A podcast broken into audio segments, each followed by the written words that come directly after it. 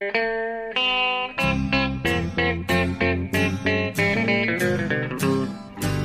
out there, we're on the air. It's hockey night tonight. Tension grows, the whistle blows, and the puck goes down the ice. The goalie jumps and the players bump, and the fans all go insane. Someone roars, Bobby scores at the good old hockey game. Oh, the good old hockey game is the best game you can name. Hallå, hallå, hallå, hallå, hallå, hallå där, hallå. Yes, hallå, hallå i dessa Stanley Cup-tider. Välkommen till NHL-podcasten med Jonathan Bamse Ekeliv i Stockholm och mig Per Bjurman i New York. Ja. Eh, vi befinner oss mitt i första rundan, den infernaliska i 2018 års Stanley Cup-slutspel. Eh, och eh, ja, det är ju alldeles otroligt festligt att få spela in avsnitt nummer 193 eh, när det, när det här rasar för fullt. Ja, det är det faktiskt. Det är det faktiskt. Det är, det är, alltså precis, nu är det inte liksom... Nu är, det, nu, är det, nu är vi igång. Nu är det ju faktiska slutspelsmatcher vi sitter och pratar om. Jag har lite fläsk på benen. Förra veckan var det lite mer, då var det bara liksom... Jag har rätt mycket fläsk på benen. Ja, det, det, det, Redan det, innan. du, du, ja, ja, jag, jag, kött på benen heter det. Vad säger man? Ja, ja. ja. Börja om. Jag ska. Ja, okej. Välkomna. Det här börjar bra. Jonathan. Ja, det börjar inte bra. Men jag kände, nu fick jag liksom igång lite energi. Men jag kände så här, jag var lite så här trött inför. För man har tittat. Alltså, nu har man varit uppe många nätter i sträck. Och du har varit runt och skrivit och haft det. Och jag har ju bara varit uppe på nätterna. Så det är ju inte samma sak. Men, men man börjar känna lite redan efter en vecka här att det, det, det, är, det är mycket intryck att ta in här. Alltså. Ja, alltså det, det är ju alltid så med just den här första rundan, i och med att det är åtta matcher, 16 lag, så den blir ju så fruktansvärt intensiv. Det är tre eller fyra eller ibland till och med fem matcher per, per kväll och, och ja, för min del då som ska bevaka allihop och skriva, jag har skrivit om alla matcher som har spelats, utom en som jag var tvungen att steka för jag var tvungen att sova tre timmar också. Ja. Eh, eh, så det, alltså, det känns som att jag blir eh, överkörd av en emotionell skördetröska emellanåt. Ja, det kan är jag alltså- tänka mig. Alltså. Ja. jag är fullständigt utpumpad. Nu har jag inte rest så jättemycket. Jag har varit i Philadelphia och i New Jersey, en liten biltur.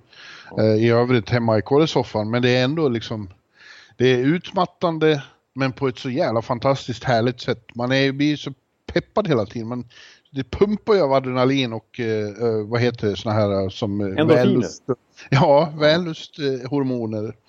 Eh, så att eh, jag klagar verkligen inte men det, men det är liksom de timmar man plötsligt inte, det inte är hockey så, så när man sätter sig ner så är det oj då. Jag är ju helt, jag är ju helt är ju detroniserad. Du är redan inne i third overtime känns det som. Liksom. Det är bara första veckan nu. Liksom. Ja, fortsätter så här har jag snart ingen fläsk på benen. Alltså, ja, där kom ju uttrycket i pass i alla fall. Ja. Nej, men grejen är att det är... nej, nej, nej det, är, det är fantastiskt. Men det, det, det är ju så, alltid. Det lugnar ju ner sig sen redan i nästa runda. Då är det bara fyra matcher, därefter två, slutligen bara en. Exakt. Man, man, Det är alltid som mest hysteriskt här i början. Exakt, när det bara öser natt till natt till natt till natt. Liksom. Men det är som du säger, som sagt. Sen blir det helt, helt plötsligt så man är helt van vid det efter ett tag. Och sen så nu framåt maj, då är det ju dagarna inte är någon hockey helt plötsligt.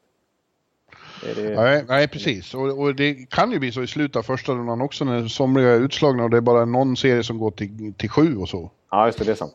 Det är en liten sån. Ja, ja men helst, vi, vi gillar ju ändå det här. Det är det här som är... Vi, vi, Ja, vi hyllar ju sagt, klaga verkligen. inte. Det är fantastiskt. Och det är, det grejen är ju att det, den här uppskruvade stämningen, den, den avspeglas ju på isarna också. Det var vi inne på redan förra veckan, att det är ju första rundan som blir som mest eh, eh, liksom eh, frustande hockey. Ja, exakt. Precis. Det är nu, det är nu liksom... New Jersey inte varit i slutspel sedan 2012 och bara... Oh, det här är hur gött som helst. Så Colorado, oj, oj, oj, har ingenting att, ingenting att förlora. Det är bara ut, ut och pumpa liksom. Och Ja. liksom Philly, Philly mot Pittsburgh liksom i en tok-derby där och så vidare. Så det, det, det Efter 82 matchers grundserielunk nästan känns det i jämförelse liksom. Det är Ja. klart, och då blir det ju då blir det så ja, och sen blir det mer rack, eh, vad heter det, räv och rackarspel Ja. i, i fortsättningen. När, när man kommer djupare in Det i... börjar märkas nu måste jag säga, redan nu. Ja, kanske det. Det är mer strategi och mer liksom, eh, ja, lite, lite så här, ja nu, nu saknas orden här. Men, eh, Ja, det blir ett, ett jävla schack, en schackpjäs Ja. mer. Jo, det är Längre klart. Längre, jo, ja, men det har du helt... eh, Det är 100% korrekt. Ja.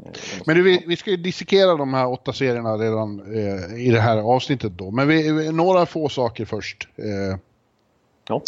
som vi ska avhandla som inte direkt har med slutspelet att göra. Och eh, till att börja med så fick vi väldigt då, hemska nyheter här i New York. Väldigt sorgliga nyheter i New York denna tisdag morgon. Eller Ja. morgon är det inte, men denna tisdag. Ja. Eh, John Amirante, den eh, legendariske nationalsångsvokalisten på Garden eh, under decennier, har avlidit tyvärr. Ja, alltså det är...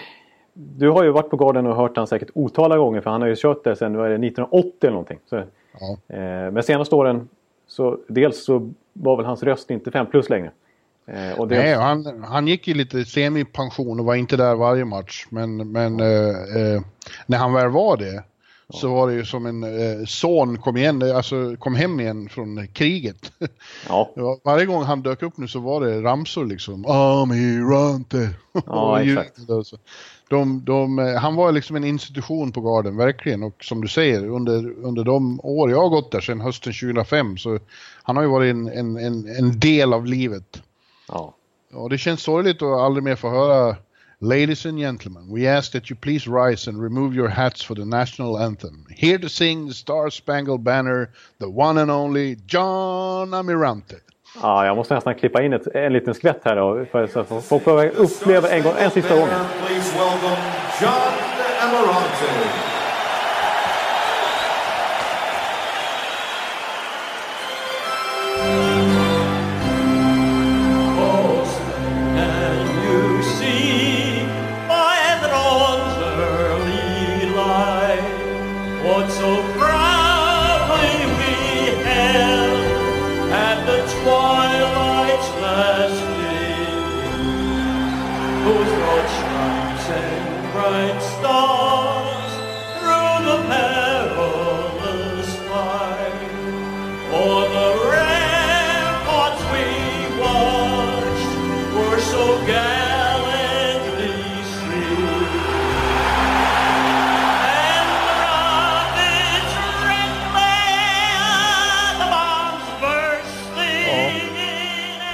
Rangers har ju lagt upp en, en helt magisk, han, han sa alltid själv att det, det bästa eh, av de flera tusen gånger han har sjungit nationalsången där, Ja. det var eh, Game 7 eh, 1994. Ja, eh, i finalen alltså. De, de har lagt ut ett klipp, Rangers, på Twitter om det. Det måste alla kolla.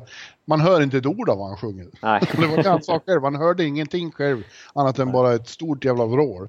Ja, Ja, men det, det är, och det är klassiskt där när han eh, i slutet tar upp sin lilla handduk där och börjar veva liksom. Och hela. Madison Square Garden liksom tokkör liksom. Ja, det var i slutspelet. Ja, ja. Men det är, Ja. det är, det är häftigt ändå. Ja, men det är tråkigt.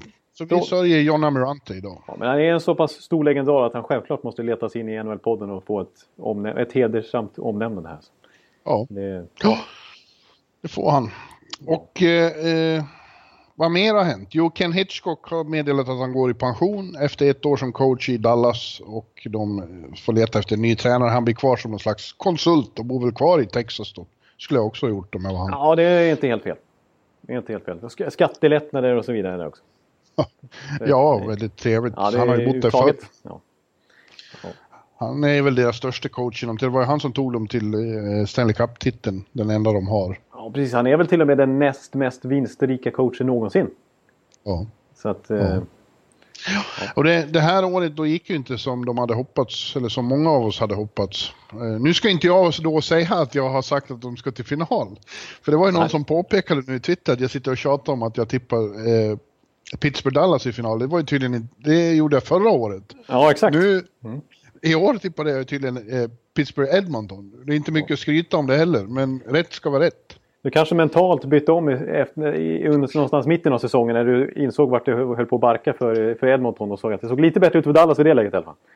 Ja, ja men det, det- och det såg ju bra ut länge, men så kollapsade de nästan kan man säga på sista månaden. Sista Ja, månaden, verkligen. en och en halv månad.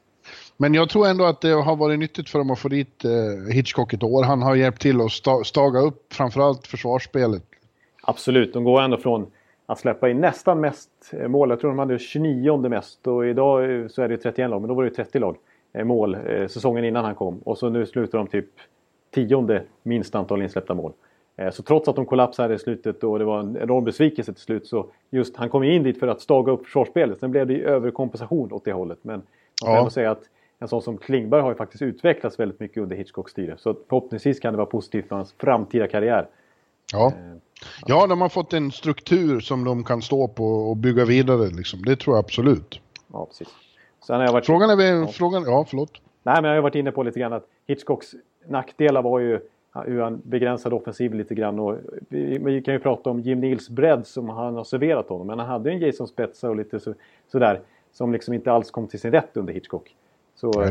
Eh, Nej, det är hemma- han- så, ja. Han hämmade kanske en av de mest explosiva, roligaste offensiver som finns. Men nu får, nu får nästa coach försöka eh, liksom använda den där strukturen och så ge lite mer utrymme för offensiv kreativitet. Då. Ja, exakt. För det, är, ja, det är intressant att se vem, vem det, är så många, det är ett antal lag nu som, som ska ha ny coach. Så, så det är ju, vi har ju lite brist på alternativ när vi försöker spåna. Det är ju lite färska alternativ, men också lite sådär... Ja, du har väl Vigneault i så fall kanske? Ja, jag skulle just säga det. Jag, mitt hetaste tips är nog faktiskt att Alain Vigneault eh, hamnar i Texas och skratta inte. Alltså, han var ju eh, avhånad här på slutet i Rangers, men eh, eh, han har ju en förmåga när han tar när, de första åren han är i ett lag och, och se till att det blir väldigt bra. Precis, och han är ju ingen... Han är ju inte en sån coach som bygger från grunden utan han kommer gärna till ett lag som har mycket saker och ting på plats. Och visst, Dallas, Ja. eh, att, att döma av sluttampen av säsongen har de inte mycket på plats. Men trots allt, de har ju en väldigt fin trupp och jag menar, alla nyförvärv de tog in inför den här säsongen är över 30 år. Så att de är ju byggda för att vinna nu. Det var därför det var så besvikelse att de inte, gjorde, att de inte ens kom till slutspel. Så att Vigneault har ju mycket pusselbitar på plats. Och, och är det något lag han ska ta över så är det väl den här typen av lag som du är inne på tycker jag. Ja, precis. Och, och ja, det är inte så mycket nya unga spelare som kommer upp som han måste forma och, och utveckla, vilket inte är någon av hans styrkor. Det har vi ju sett här på slutet. Men, men just ett halvfärdigt bygge, det, det tror jag på. Eh, det, det tar två, tre år innan hans idéer liksom får ett lag att stagnera. Exakt. Det verkar Ja. hända jämt för, för att han är lite, eh, inte så flexibel.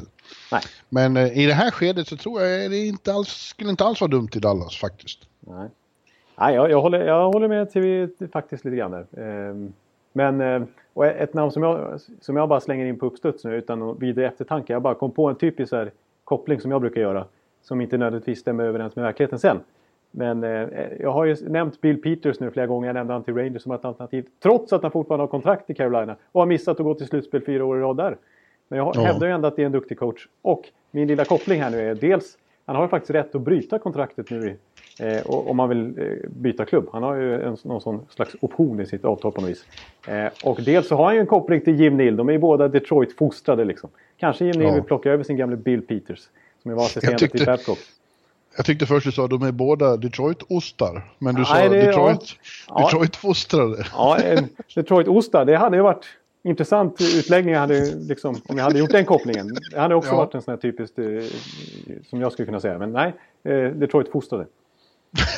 Ja, jag var tvungen att under, understryka det med fostrade. Ja. Ja. Ja, och eh, den är Detroit-ost. Jag tror att eh, det kommer så mycket nyordning i Carolina nu med den här ägaren som uppenbarligen tänker lägga sig i allting Ja. och vara med på eh, liksom möte med alla spelare och ledare efter säsongen här. Det brukar inte en, en ägare Nej. lägga sig i. Han går liksom runt i, han är inte den här kostymnissen som aldrig syns utan han, han står där liksom träningsoverall.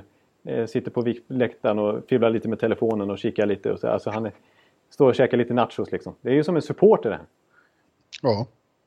Det är din dröm att vara en ägare. Ja, jag skulle varit en sån också. Visst, jag skulle gått runt där i några mysbyxor liksom och käka lite, lite, lite burgare och lite hotdogs och sen kliva ner och i omklädningsrummet i pauserna. Liksom.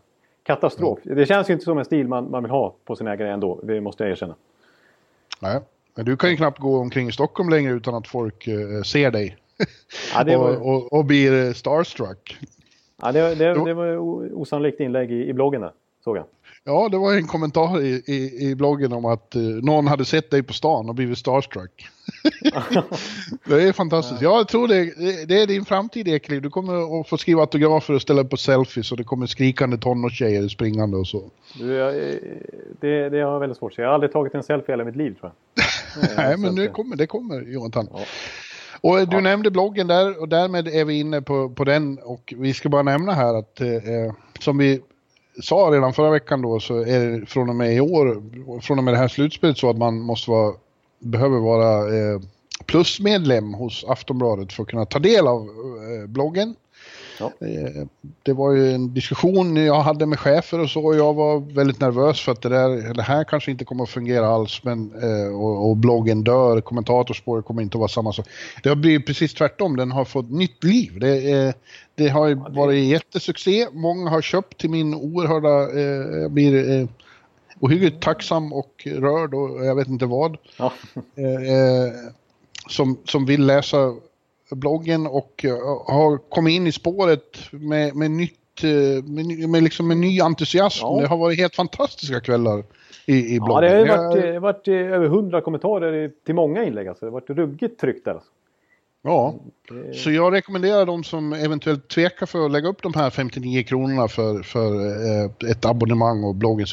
Kom igen, gör det nu. Vi har, ett, vi har en fantastisk community i denna blogg på kvällarna. Bästa kommentatorspåret i Sverige skulle jag lätt säga. Det är all, nästan aldrig något dumt eller otrevligt som jag måste ta bort utan det är, det är bara underbar eh, Stanley Cup-stämning. Ja, det är fint. Come, come join us. Come join us säger jag. Ja. Mycket bra. Mycket bra. Jag, Ja. jag, jag, jag, är- jag väntar ju bara på att du ska bli lite stum någon gång så att du inte kan leverera sådana här 12-13 000 teckens intron som du har matat på en vecka i sträck. Det är, du, du lyckas, eh, men det är ju Stanley Cup-bensinen som ger dig inspirationen. Ja, det är absolut så. Men det kanske inte kan bli så varje kväll. Jag, jag Nej, kommer det- ju att storkna. Du har ju rivstartat här. Alltså. Men jag sitter på ett nytt nu inför kvällens tre matcher. Jag håller redan börjat med Du det. Så. ja, du ser. Ja. Mm. ja, men då eh, ska vi helt enkelt eh, ge oss i kast då med försöka analysera lite grann vad som har hänt första Stanley Cup-veckan här i de åtta serierna. Ja, och vi börjar som vanligt österut och tar Atlantic Division då. Det är, det är ju två serier per division kan man säga, även om de här wildcard-lagen då inte tillhör divisionen från början så blir de del av den just som wildcard. Det är det som är wildcard-grejen. Ja. De går in i respektive division och då New Jersey är ett sånt exempel som egentligen tillhör Metropolitan, men eftersom de eh, slutade på sista wildcard-platsen så fick de möta ettan i konferensen och då var ju Tampa då. Eh, så det är Tampa, New Jersey i divisionssemi som det egentligen handlar om. Ja, Eh, och eh, där hade vi 2-0 till Tampa efter två matcher i Amalie Arena. Ganska övertygande, eh, ohotade segrar skulle jag säga. Men i New Jersey igår med mig på plats i The Rock. The, Rock. The Rock. Rock. Ja. The Rock Ja. var vi med, med, med Puddy från eh, Seinfeld, Paint Facer. Nej, Face Painter Ja. heter det. Inte Paint Facer. Nej, inte fläsk på kött och ben och sånt där. Nej, ostar och... Nej. Fläsk på ostarna, ja. Mm. Eh, och då reducerade ett, ett eh, passionerat New Jersey och nu står det 2-1 och eh, ja det är lika bra vi avhandlar Tampa nu då som Ja, direkt. Så du, så du får sagt det du ska säga om ditt favoritlag. Vi är ju otroliga traditionalister. Skulle vi bara helt chocka alla lyssnare och börja med West, då skulle vi... eh, vi jag vet inte hur det skulle gå. Vi skulle inte förstå Nej, det någonting. kännas fel. Ja, vi- det vi måste känns som skulle i vi den här- dra alfabetet baklänges. Det Ja, inte. precis. Nej, vi, kör, vi är så här gammalmodiga så vi måste köra gammal klassisk ordning.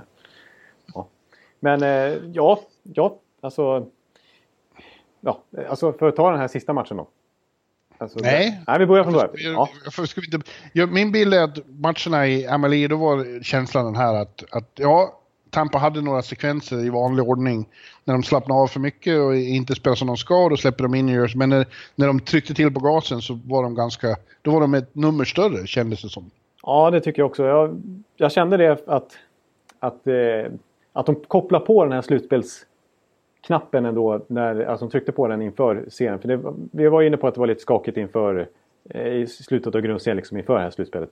Men jag tyckte ändå att de var väldigt koncentrerat från start i båda första matcherna. Eh, Och att det var det här lite 2015-2016 Tampa Bay som ändå presterade väldigt bra i början av slutspelet. Då, liksom, alltså allt det här som är Tampa Bay styrka med bredd, med, med spets, som är bra målvaktsspel. Då var det Bishop, nu är det faktiskt Vasilevski som är riktigt vass.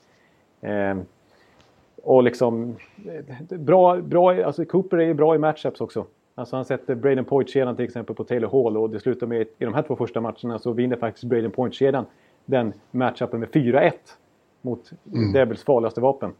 Eh, Så att det, det, ja, jag tyckte de gjorde det bra. De hade de ryckte ifrån lite grann. De hade en 5-1-ledning till exempel i match två innan de eh, la på takten och det blev ganska småspännande där i slutet ändå. Eh, Men ah, när, när Tampa liksom när, de fick möjligheten till sista bytet och när, ja, när de verkligen var, hade rätt inställning från start. Då märktes det att de var minst ett nummer större än Devils. Ja, men som sagt, igår i, i The Rock, eh, Rock. Så, så reducerade eh, Devils. Jag, jag tyckte ett tag, och nu, kom, nu går vi händelserna lite i förväg, vi återkommer till den. I första perioden tyckte jag det kändes som tredje matchen mellan Philadelphia och Pittsburgh. Eh, New Jersey hade väldigt mycket, skapade väldigt fina chanser, hade stolpskott och ribbskott och vad det var, men fick ingen utdelning. Och Tampa kändes som de liksom bara bidade sin tid. Och till slut kom det ett powerplay-mål i början av andra och tänkte att det här blir samma vis. Men, men till skillnad från Flyers så faller New Jersey inte ihop i det läget. Nej. De har framförallt då igår visat fantastisk jävla kämpaglöd och moral och, och hjärta. Eh, och fortsatte kriga och, och det gav resultat. Ja, precis. Det är ju ändå... Alltså, det, alltså det, det är en spelare som verkligen sticker ut som vi måste prata om, men, som vi har pratat om många gånger den här säsongen. Men det är ändå ett, ett väldigt fint kollektiv det här bakom honom också. Som, Ja. som bara som kämpar och kämpar. Och det är det som vi var inne på också i, i vår preview där. Att Devils, alltså nästan alla topplag, Nashville, Vegas, Tampa sen tidigare, Pittsburgh. Eh, Liksom väldigt många topplag som har stött på Devils under grundserien haft extremt svårt att liksom skaka bort dem. De, de är med i typ alla matcher. De blir Ja. sällan liksom utskåpade. Eh, och lite samma sak här och i den här matchen till exempel. Att de, de, de ger sig inte trots att det kanske bär emot att de har lite otur hit och dit och någon puck som studsar in och någon utvisning här och där. De, de är väldigt mentalt starka som grupp. Ja, och just som du säger, det är, det är ett starkt kollektiv men som dras runt av en eh, fantastisk individualist då. Det är Taylor Hall vi pratar om här. Eh, i, igår i, i The Rock så var han eh, faktiskt helt enastående igen. Samma den här känslan av att varje gång han är inne så ser man honom precis hela tiden. Ja. Eh, Och han gjorde, mål, han gjorde ett fantastiskt mål med ett, ett skott som kändes som nu jävlar ska den här puckfan in. Ja. Och, och så två utsökta framspelningar och vara med och skapa saker precis hela tiden. Igen. Igen. Ja. ja, men det är verkligen så. Och eh, rent statistiskt från den här matchen till exempel.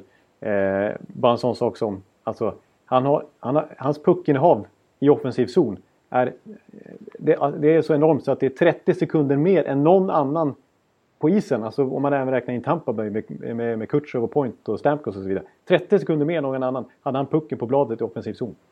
Ja. Eh, ja, det är ju en anmärkningsvärd siffra faktiskt. Ja. Så att han, han är... Och, alltså, ja. Han har två, båda hans mål, nu talar jag inte mot kollektivet här, men ändå hans betydelse, alltså hans verkliga MVP-status som han, som han har etablerat här under grundserien. Alltså, två, båda hans mål är ju unassisted till exempel. Ja, Eh, Så att han, han, han skapar, han är den enda i det lag som verkligen kan skapa saker på egen hand.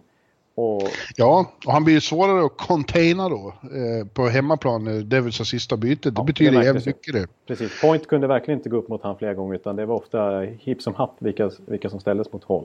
Och då var Ja. han ännu mer lysande faktiskt.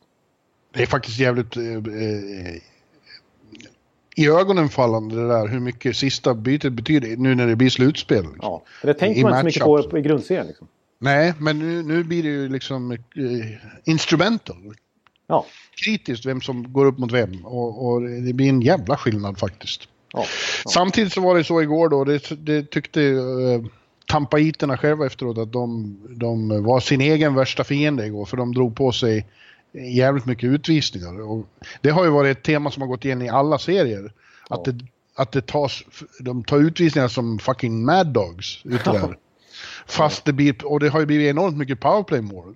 Så Ja, det, det är otroligt korkat att ta utvisningar ja just det, nu. är, en- det ska jag säga, det är stor skillnad mot förra året. Det tas betydligt fler utvisningar i år.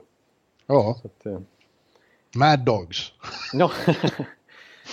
Eh, och eh, Tampa tappade ju disciplinen igår. Så var det.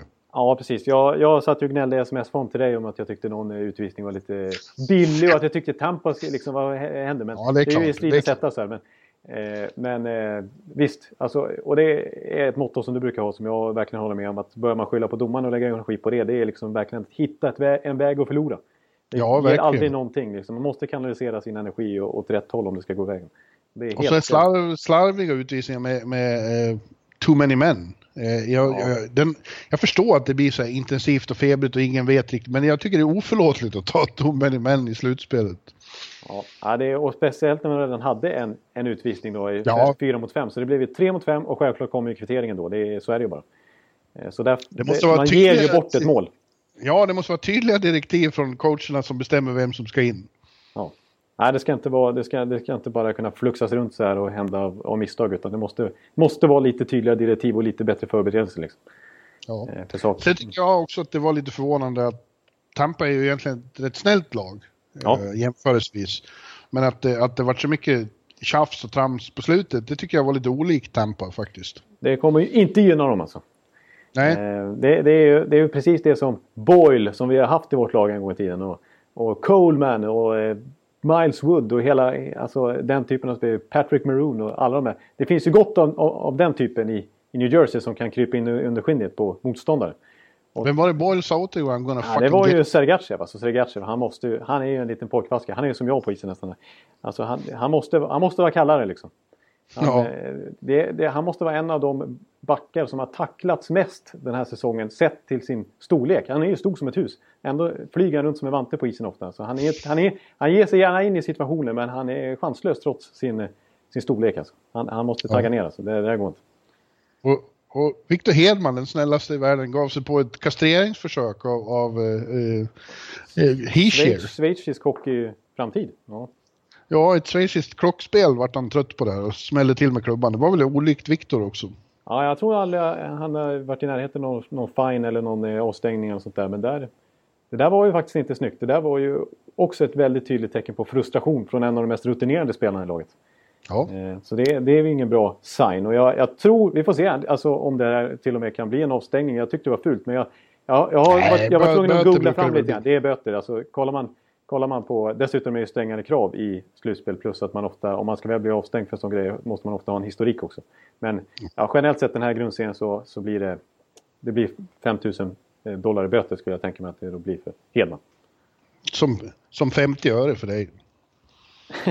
Ja, det är så, såna, såna glasspengar är det faktiskt den där bötessumman som NHL har satt. Ja, ja. Det är ju löjeväckande faktiskt. ja, men det blir väldigt intressant att se vad som händer imorgon, onsdag. Då eh, blir det antingen kvitterat, det hade inte Tampa räknat med, eller också så tar de en, eh, en rejäl, ett rejält grepp om serien och, och skaffar sig 3-1 övertag för nästa match i Amalie. Vad, vad, vad är din bild? Vad tror du? Det borde de. De borde ha lärt sig och, samla sig till en mer disciplinerad eh, insats i alla fall. Ja, det, det hoppas jag verkligen. Och jag tycker ändå att det finns så pass mycket rutin i det här laget från liknande situationer tidigare att de ska kunna klara av det. Alltså jag tycker i samtliga tre matcher vill jag som lite färgad här påstå att jag tycker de har varit det bä- bättre laget under största portionen av matcherna. Kanske Ja. lite, Ja, jag- lite tveksamt jag in- igår. Ja, Ja, jag var imponerad av New Jersey under perioder igår när de verkligen körde. Ja, det var jag också. Eh, vassa. Och din gamla vän Butlern där, Coleman är ju bra han var med i mycket situationer på slutet. ja. ja, det var, ja precis. Alltså det, de, de, de är som sagt svåra att skaka av sig. Så att det, och de är mentalt starka så det krävs verkligen. Så det tycker jag kommer igen i många serier här. Det är, det är inte helt lätt när man har pressen på sig. Liksom. Men de, de, riktigt starka lagen som går och vinner i slutändan, de klarar ju av det naturligtvis. Så det är ju ett, det, här, det måste man kunna hantera, men det är inte alla lag som gör det. En liten parentes, Marcus Johansson gjorde ju comeback efter att ha gått med hjärnskakning sen slutet av januari när han åkte på en ful armbåge av Brad Marchand. Marchand? Marchand? Ja, kör, kör som du vill. Det, är- det, är vår starka sida i podden som... som Av Brad. ja, Brad. Eh, och Eh, Han sa efteråt att ja, det, det var ju fantastiskt kul att vara tillbaka men att han var lite andfådd och, och inte hittade benen och så. Men, men kul att vara tillbaka. Men han, sa, han pratade också om det där att det, det är en fantastisk grupp där alla krigar för varandra och det här kommer vi att fortsätta med och så vidare. Så det, fara, lite fara och färdig kanske för Tampa. Jag vill samtidigt säga att eh, jag tycker att vi har klagat mycket på Ryan McDonough här. Jag tyckte han var Ja. bra igår. Han, när, när han får spela med Strålman här. Det var något som Tobias Pettersson har påpekat, så länge han måste dra omkring med Dan Girardi så blir han hämmad McDonough. Men tillsammans med Strålman har han varit ett, det är ett fin, fint chattnamn på. Absolut. Jag, jag, jag, tänkte, jag hade faktiskt tänkt att nämna det men eh, det var du som gjorde det. Det var bättre. Då blir det mycket mer eh, trovärdigt. Eh, men McDonough har faktiskt varit riktigt bra. Det känns som en verklig uppgradering mot tidigare att kunna Alltså kunna ha ett backpar med Hedman och ett till eh, med sånt som McDonough och Strålman. Det blir en... Det känns mycket tryggare liksom. Han, är- han Ja, nu är det ju viktigt, då är det viktigt som att dra omkring Ja, med han med klarar av det faktiskt. Han klarar ja, han är så bra så att det stör inte honom på Nej, samma det måste sätt. jag verkligen säga. Att jag har ännu inte sett han inte kunna hantera någon back. Alltså, alltså han, vem han än är som backpartner. Jag menar, Jake Dotchen kommer, kommer upp från AHL förra året och spelar med Hedman och ser ut som någon slags... Alltså, ser jättebra ut. Sen nu den här säsongen när han fått testa och spela i andra backpar, ja, då är det en helt annan back. Då ser han mer ut som en nykomling från AHL liksom. Men med Hedman så växer nästan alla liksom. Ja. ja, men eh, tips då. Jag, jag, eh, jag, mitt hjärta slår lite för Devils nu för jag tycker om eh, ha sån... Ja, just, just det här hjärtat tycker jag om. Men, men mitt, om jag ska tippa så tippar jag att eh, Tampa tar ledningen med 3-1. Ja, ja jag skulle ja, jag tycker de alltså, eh, kvalitetsmässigt och utifrån, inte bara på förhand så, utan utifrån hur det har sett, dem- sett ut i de här matcherna så tycker jag att Tampa ska ha, kunna lägga i en växel till och kunna faktiskt ta det här i 4-1 i matchen. Men det är, nu jinxar jag ju och jag vet ju att det, det, det är så här de inte får tänka själva utan Ja, men jag, tycker jag tycker den eh, skillnaden ändå är uppenbar. Japp. Ja, andra mötet, andra serien i, i divisionen är då Boston Bruins, Toronto Maple Leafs där eh, Boston Bruins, i, ja egentligen såg det ut som de avgjorde serien redan hemma med två mycket övertygande se- segrar i TD Garden. Ja, När de var verkligen. jävligt impon- imponerande. Men det blev lika där när de kom till Toronto igår så replikerade Maple Leafs och reducerade till 2-1. Och det vi nyss pratade om, det här med sista bytet. Det, är det någon serie där det verkligen har blivit eh, tydligt så är det ju där. Ja. Det blev en enorm skillnad för, för Maple Leafs. Ja. Eh, om man, om jag tar bara en så... Ja, förlåt. Nej men kör du. Ja. Ja men ta sånt som eh, eh, Matthews och, och, och Nylander, de var helt borta, borttagna i Boston. Ja. Allt det som, alltså, hur var det jag uttryckte det i bloggen, allt det som är deras livslust, livsluft till vardags i grundserien. Det vill säga space, manöverutrymme, tid, eh, oskärpta motståndare som begår misstag och, och sekvenser där det inte är så fysiskt. Allt det försvinner ju i slutspelet och de, de eh, när, när eh, Boston kunde sätta de spelare de ville mot dem så var de ju en non-factor faktiskt. Ja, den var ytterst bleka faktiskt mot deras egentliga förmåga i de här två första matcherna i tidig Garden. Ja. Eh, Men de fick mer utrymme då hemma och, och, och producerade ett jävligt snyggt mål. Ja, det får man inte säga. Alltså klassavslut av Matthews. Som jag ju Ja. tokhyllade inför i, i min preview och ville lyfta fram hans skott. Alltså att, man, att han inte riktigt får tillräckligt mycket cred för. Jag menar, man pratar om Linus och jävla- skott. Ja, det är en ruggig jävla- bössa han har. Det var en jävla klasspassning av Nylander. Ja, det var det också. Det, där kan man ju onekligen fastna med också. Men, igen, i de där två matcherna i Boston, då var ju Bruins verkligen överlägsna faktiskt. Ja, det var lite statement så här i början av slutspelet. M- Ja. Mot hela, en markering mot hela NHL tycker jag. Jag tycker det var det mest imponerande vi har sett totalt sett. Eh, de två hemmamatcherna för Bruins och inte minst från världens bästa hockeykedja. Ja, Alltså, ja det, kan man, det kan vi slå fast att det är. ja. Eh, Med Marchand, Bergeron och inte minst Pasternak då som i, i, i match nummer två gjorde sex poäng. Och blev den Ja. yngste någonsin, han slog ett Gretzky-rekord. Det gör ju ingen. Det gör ju ingen. Nej. Men han gjorde det i alla fall och blev den yngste någonsin att göra sex poäng i en slutspelsmatch. Nu, i den här eran. Ja. Det är väldigt jävligt imponerande. Mot ett Toronto som ändå är starka tycker vi. Liksom. Så det, det är ju ruggigt starkt. De är alltså, 20 poäng gjorde de ju totalt sett på de här två matcherna. 20 poäng av, av, av en kedja. ja. Eh, ja, det är faktiskt helt, eh, helt sjukt. Så det, det är ju den... Alltså man kan titta på andra faktorer men den stora skillnaden mellan lagen är ju just de tre. Ja, de, de tre och när de får svängrum mot eh, Torontos backuppsättning som, eh, let's face it, den är inte tillräckligt bra. Nej. Nej. De hade verkligen behövt göra en trade för en McDonald eller något sånt. Ja. Nej, för Men det, det, det, det underlät de ju att göra och därför tror jag att de inte kommer att gå vidare från första omgången. De kommer inte, i, de kommer inte att kunna slå Boston i tidig garden i alla fall. Nej, det jag har faktiskt väldigt svårt att se det utifrån vad man sett de här tre första matcherna. Det känns, för jag tycker ändå att Boston gör en bra match i den tredje här uppe i, i Toronto också.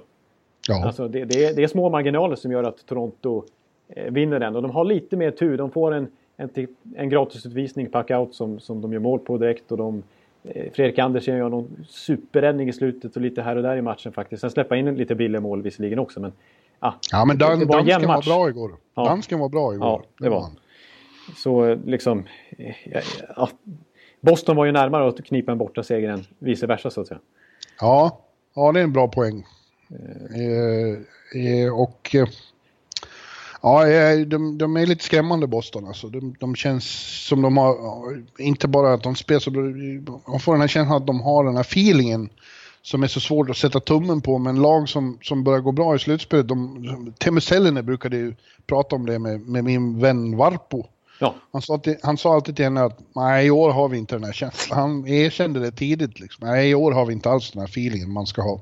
Vi kommer inte att gå långt. Nej, jag kan tänka mig att det infinner sig snabbt. ja. Och andra, andra år, till exempel 2007, då sa han nu, nu, nu, nu är det, känns allt precis som det ska i den här gruppen.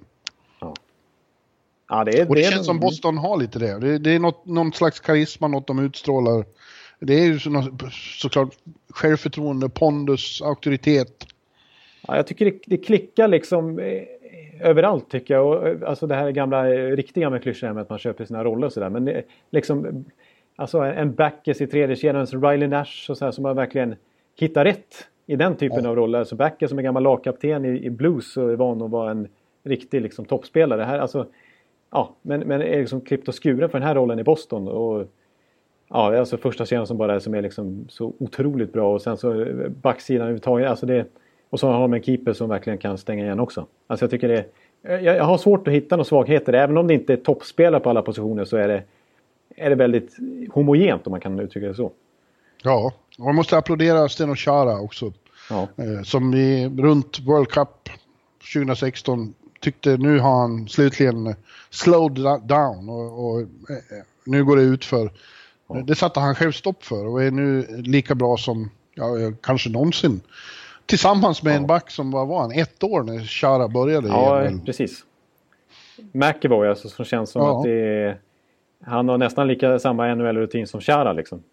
Utstrålar han när han eh, lirar. Det är, det är, ja, det, det är en ruggig förstärkning för dem. Alltså, som de plockade i första rundan i någon sån här 14 och 15 valet för bara några år sedan. Och att det skulle bli sån utväxling redan nu. Det är ju hatten av faktiskt.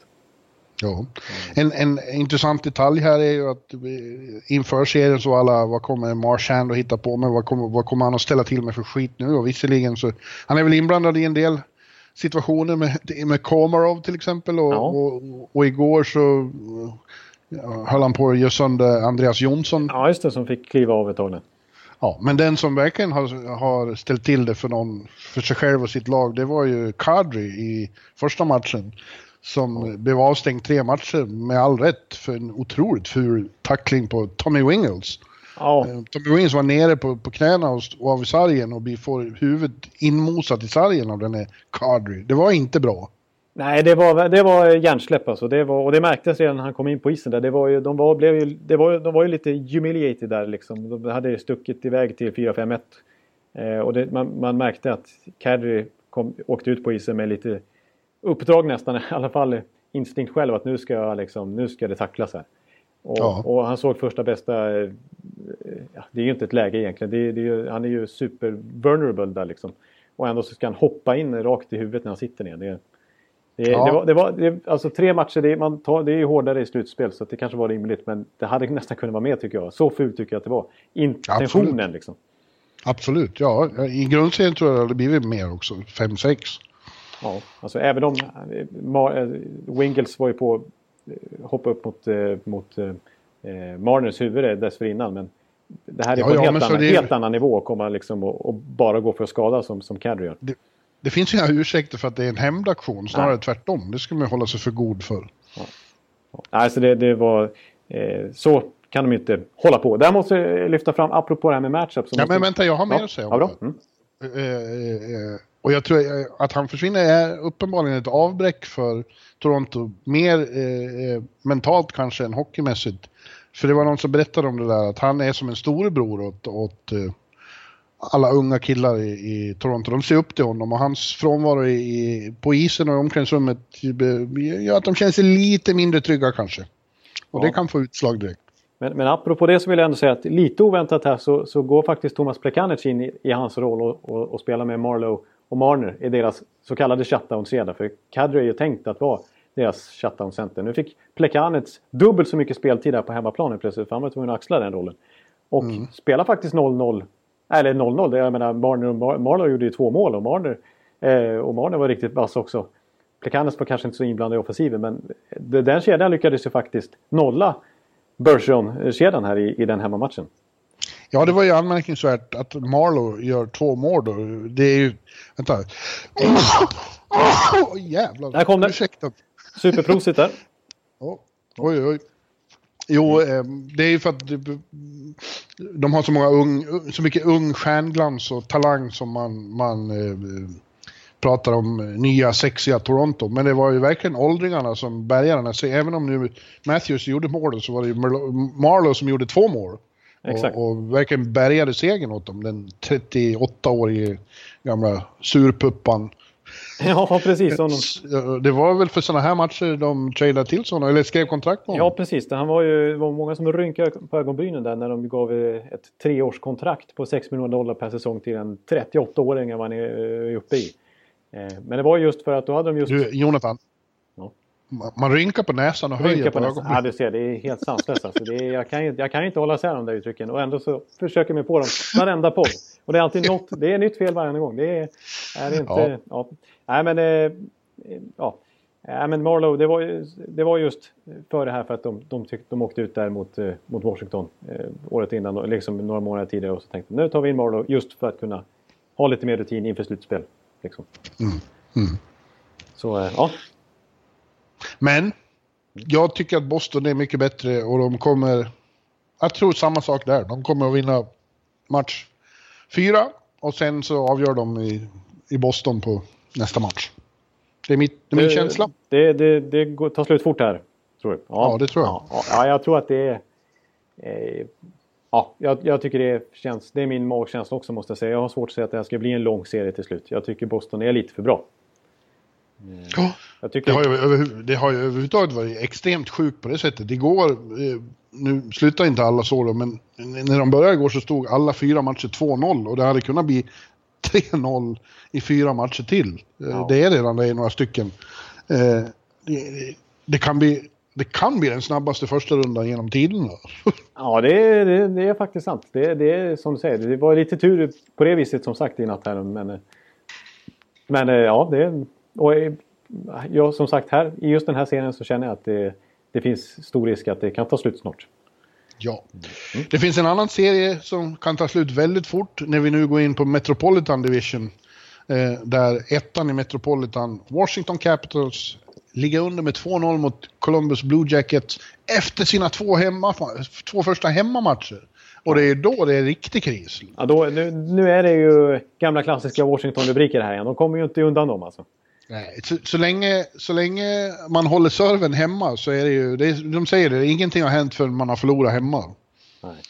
Men Washington har alltså börjat med, med två hemmaförluster och det är ju själva fan. Man, man, man tänkte att det kan inte hända kan inte hända Washington värre saker i slutspelet än, än vad som redan har hänt. Men hockeygudarna hade tydligen något ännu värre in store för dem. För att de har åkt ut i första rundan förut och de har blivit svepta en gång 2011 av Tampa. Men de har aldrig blivit svepta i första rundan. Nej. Eh, Så det skulle ju vara det värsta fiaskot av alla hittills. Liksom. Så mycket elände som de har gått igenom till trots. Ja, eh, ja verkligen alltså. Och, och, ja, oddsen är ju inte med dem nu alltså. Det, det har hänt. Jag tror det har hänt fem gånger tidigare i slutspel att, att lag har förlorat sina två första hemmamatcher. I, dessutom i övertid då. Och, Ja. och, och, och, det, och ja, I de fallen har de aldrig lyckats vända på det och vinna. Liksom. Så att, de, nu måste de göra något historiskt för att lyckas eh, vända. Och oddsen är verkligen... Alltså det är, som många har påpekat här, de lyckas hitta nya sätt att åka ut på hela år efter år. Alltså. Det, det, Ja. de, de, de, målar in sig liksom på, med nya färger höll jag på att säga. I, i det hörnet. Men, ja, det var roligt sagt. Ja, ja någon, en gång, någon gång ska jag lyckas eh, med något ordspråk i alla fall. Ja, var en bra liknelse där. Ja. Ondskan. Men det, samtidigt så är det, på samma, det är samma problem som i alla tider. De saknar förmågan att stänga matcher. Båda Ja, de här matcherna mot Columbus hemma har de haft ledningen med 2-0 och 3-1. Ja, Och ändå tappade. ja. ja exakt. Och det är ju det är själva eh, särmärket hos det här laget. Att, att när det blir slutspel så förlorar de totalt förmågan att knyta ihop den där förbannade påsen och gå ut och lägga den i sopnedkastet. och sen bara gå hem nöjda och glada liksom. Ja, det, Det går inte. De kan inte. Nej, nej precis. Nej, det... Nej, det... det ja, det finns många... Det är så konstigt det för de har bytt ut så många och de har haft fem olika coacher sedan det här började. Och samma problem består. Liksom. Ja, ja det, är, det är samma problem år efter år efter år. Det är... Ja, alltså... Jag vet inte, jag, jag, jag vet ändå vad, vad, hur man ska, var man ska börja någonstans egentligen. Vad som är det stora problemet. Men, eh, Ja, det är ju svårt att inte peka på att några liksom inte eh, är slutspelsspelare liksom, i, i coren där. nej, alltså... Jag, jag är ju inte så intresserad av att så här, toksåga Ovechkin. Alltså, liksom, Inte jag heller, Nej, men det är, han som är, det är han som är gemensamma nämnaren för alla de här eh, kollap, liksom, Det är han som har varit med hela tiden och är Ja. den som ska, ska ha, ha sett till att det undviks. Han är ju the face of the franchise och kapten och sådär. Och eh, ja, alltså han... Jag, jag brukar ofta hävda det att han har ju liksom ett, ett ändå ganska okej snitt i slutspel bara, bara sett till sin egen produktion. Han, jag tror att han av dagens aktiva spelare så har han gjort tredje mest mål i slutspel. Inte bara... Ja, han gjorde två. Han, gjorde två. Han gör ju två här nu också liksom. Men Mm. just när det kommer till till exempel overtime där det verkligen gäller att kliva fram. Det kan ju vara... Menar, vi har en sån som Justin Williams till exempel som brukar... Mm. Han lyckades för den skulle inte heller Washington då. Men, eh, eh, men, eh, men, men Ovi, han har alltså aldrig avgjort. Jag tror att det är, de har 14 olika målskyttar under hans era eh, i overtime-spel i, i slutspel. Eh, Washington alltså. Men Ovi har inget av de målen. Nej, det är ju anmärkningsvärt. Ja. Det har jag inte Ja. tänkt på. Men det är ju det är något slags tecken också. På Ja. att, han in, att han inte är gjord för de absolut största ögonblicken. Nej, precis. Och jag tycker även att det finns några undantag när han har gjort lysande VM-turneringar. Men liksom i OS och ja, andra VM-turneringar har vänt hemma. Så han har, det kanske inte är den där riktiga vinnaren, den där riktiga härföraren trots allt. När det verkligen brinner till och det blir tajt och det blir schackspel och det blir kontroverser och det blir matchups och så vidare. Det är något Nej. annat än, än att stå i kontoret i grundserien liksom i omgång 54. Ja, ja. ja det är det. Och, och, och, Samtidigt har de ju då... Ja, förlåt. Fortsätt. Nej, men jag, jag skulle bara säga också att de här två målen han gjort är ju i powerplay. Eh, och ja, jag, ja, jag, och jag, jag, alltså, det tycker jag också är lite problematiskt för Washington. Visst, jag tycker ändå de skapar lite då och då i, i 5 mot 5-spel. De har haft fina perioder där också i, i den här senaste matchen till exempel. Men, eh, men, men eh, ja, de som har gjort 5 mot 5 målen det är Devonte Smith Pelly och Jay Beagle.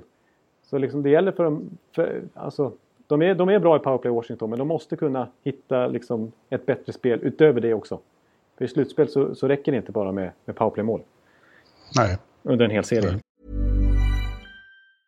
Cool fact a crocodile can't stick out its tongue. Also, you can get health insurance for a month or just under a year in some states. United Healthcare short term insurance plans, underwritten by Golden Rule Insurance Company, offer flexible, budget friendly coverage for you. Learn more at uh1.com. Ja. Nu har de ju en motståndare också som heter Columbus Blue Jackets och för deras del är det tvärtom. då. De, de, eh, har för första gången i klubbens historia ledningen eh, i, i en slutspelsserie. Det har de aldrig haft. Det är anmärkningsvärt. Mm. Ja, ja, eh, och nu har de ledningen med 2-0 och ska spela två matcher hemma i Nationwide Arena. Och eh, ja, de gör, de gör det som ett John Tortorella-lag brukar göra. Det, det är ju framförallt en lagmaskin. De är fruktansvärt jobbiga och ser ut som att spela mot. Ja. Eh, och de har ju, visserligen har de några profiler som Panarin, han gjorde kanske ett av de tre snyggaste målen hittills i slutspelet. Avgjorde han ju med i första matchen på övertid där. Det var ett otroligt skott han fick på. Ja, precis. Och apropå liksom lite så här stjärnspelare. Nu ska jag inte liksom återigen dra Ovechkin i smutsen här. Men han, han, alltså man, man, man bytte ju bort Brandon Saad mot Panarin för att man ville ha en gamebreaker. Liksom. Någon som kan göra skillnad. Ja. Eh, på riktigt. Och det där var ju ett klassmål liksom, som, som kliver fram i precis rätt tillfälle. Jag menar, Panarin har ju varit fantastisk i den här serien hittills. Han har gjort fyra, alltså apropå powerplay, han har varit lika... Han har varit alla mest framstående där med liksom fyra superassist. Eh, och så så det där målet som han gör. Alltså, det, han är otroligt bra. Ja. Ja, det är ju fler. Alltså, I detta kollektiv så är det, alltså, St. Jones och Wrensky har ju varit... Ja, de är, de är bra. Ja. Ja. Eh, Bobrovski har varit jävligt bra i kassen också. Han är i form. Ja, där, precis. Han är han som bara, in, inom citationstecken, eller verkligen, det är, det är bara vunnit tre slutspelsmatcher av 18 starter. Tror jag, inför det här. Han har ju varit kritiserad i slutspel som lite halv-choker då. Men han har, gjort, han har ju faktiskt varit fantastiskt bra. Och överglänst då den som till att börja var Filip Grobauer som är 83 procentare och som inte höll för trycket som jag trodde. Som vi trodde. Och framförallt, ja, jag, jag tyckte det var rätt att ställa Grobauer från start. Nu är det jag Hol-. Holtby som, som har tagit över här. Och förmodligen kommer göra så även. Ja, de har direkt ett målvaktsproblem. Så det är ju inte bra. Nej, det är sällan, sällan eh, positivt att, att det börjar hattas direkt. Även om det är nödvändigt nu. Men, Nej, visst. Exakt så. Det, det måste göras, men det är ett tecken på att något inte är som det ska. nej, exakt. Det är sällan det fungerar. Det är sällan det ger önskat resultat. Några gånger kommer det in någon, någon backup som plötsligt är, är helt otrolig. Liksom. Men det är, det är sällsynt. Exakt. Det är, man är ändå beroende av en första keeper. Liksom. Oftast. Ja. Ja. Och jag, jag vill säga till exempel, nu kommer jag lite med statistik här igen, men eh, Bobrovski han räddade ju 55 skott i den här matchen. Det är ju den stora hjälten kan man säga. Här, och vi pratar Game 2 nu. Jag tror må, många som lyssnar på det här kanske har redan sett Game 3, för den är ju bara om några timmar när vi spelar in där. Men Mm. eh, eh, alltså... Säg inte så, nu blir jag stressad. Ja, du blir stressad. ja, nej men alltså 58 skott mot 30 tror jag var i den matchen. Det är ganska stor skillnad. Men det säger lite grann om Columbus försvarsspel också. Hur, hur, tajta och Tortorella hårda de är där framför Bobrovski. För att, alltså, bara en tredjedel av de 58 skotten kom från slottet. Medan eh, Columbus eh, 30 skott, hälften av dem kom från slottet. Så slott, om man räknar skott från slottet så var det 20-15. Det är ganska jämnt. Medan tittar man på totalt sett den vanliga statistiken så var det ju utklassning i skottmässigt. Mm. Det säger lite grann tycker jag ändå om Columbus försvarsspel. Eh, där Tortorella är, alltid pratar om play, the play without the puck. Liksom. Ja.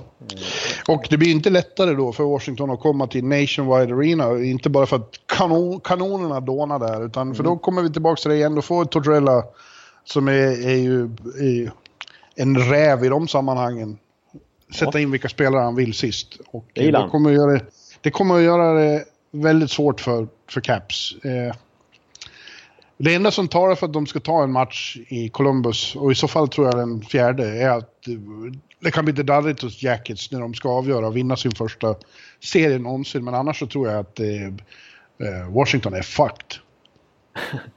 Ja, ja det, tyvärr eh, är Tadson alltså. Så har ju, man undrar lite grann en, en slutspelsframgång efter alla år här med som Capital supporter. Ja, herregud. Jag tycker man ser, i, ja inte bara Tadson, även om han nu ligger oss varmt om hjärtat, men man ser den stackars fansen i, i, i betongbunken i Chinatown i Washington. De står där med klentrogna miner efter andra raka förlusten. Det, det finns ju inga i modern NHL-historia som har lidit lika mycket som dem. Nej, precis. Och då, jag menar, de vinner sin division i år igen. Det är samma visa och möter ett lag som är sämre placerat i grundserien och så blir det så här tufft ändå. Liksom. Ja, Men de brukar ju, första rundan brukar väl fungera. Men som sagt, nu riskerar de att bli svepta i första rundan. Det har aldrig hänt. Det är ju... Ja, jag tror, jag tror knappt mina ögon, Jonathan.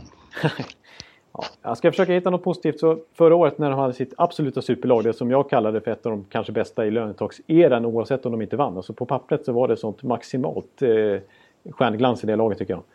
Eh, och då, då låg de faktiskt, då låg de under mot Pittsburgh tror jag med 3-1 i matcher. Men lyckades ändå ta det till 3 tror jag, sjunde avgörande på hemmaplan. Där de chokade upp och förlorade. Liksom.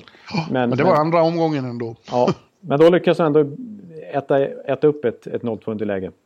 Eh, visserligen hade de väl några hemmamatcher där också. Men ja, ja. Nej, det, det, ser, det, ser, eh, det, jag, tror Ja. på, jag tror på Columbus här också, även om de har en historia av att, att skärra med, med press på sig. Men eh, ja, jag- eh, usch. Nej, vi, vi, det är nästan så vi går vidare här. Ja, men du, jag ska gå och hämta eh, en kopp kaffe väldigt snabbt. Kan du inte sjunga något för publiken? De har ju efter, det sjungs för lite var det någon som sa. Ja, jag, Ta nu och, ta nu och sjung en, en eh, sång om Pittsburgh. Jag återkommer. Oj då. Vi har Pittsburgh som har Sidney Crosby.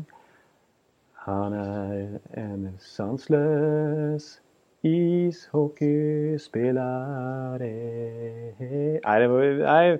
Nej. Ja, Ja, jag, jag, jag- började sjunga någonting om Sidney Crosby där, men, men det... Jag, jag, la ner, jag la ner snabbt. Men, Ja. eh, jag, satte kanske tonen lite grann inför, inför den serien eller, som vi ska prata Ja. om. ja, nu ska vi titta på Battle of Pennsylvania då, mellan Pittsburgh och Philadelphia. Ja. Eh, det har varit en eh, rätt så underlig serie. Det började ju med total förnedring av Flyers i första matchen när, Pittsburgh vann med 7-0. Ja, eh, usch, ja, det har varit verkligen en konstig serie det här. Ja, och då trodde man att nu är Flyers helt, eh, helt knäckta och förstörda. Det här kommer att gå fort. Och då kommer exakt samma lag med samma målvakt ut och, och replikera med en 5-1-seger i PP, PPG Paints. Så Det var ju ett väldigt eh, imponerande tyckte jag. Det, det hade man inte alls räknat med, men de skärpte till sig. Då, och, och då trodde man å andra sidan att nu när serien vände till Wells Fargo i Philly, då, nu har de något att bygga på, nu kan de utmana Pittsburgh. Då gick det åt helvete igen.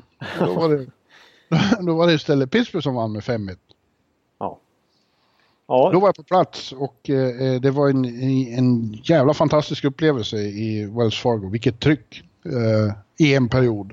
Ja. Och sen, sen tog det slut. Och det, ja, jag vet inte. Det, det svänger ju den serien. ja, det får man ju säga. Det, jag, jag tycker den är ologisk på många sätt. För till, till exempel som du säger den här matchen som du var på. Liksom, alltså, det är ju en imponerande första period av Philly. Ja, De, är, de dominerar ju den, klart.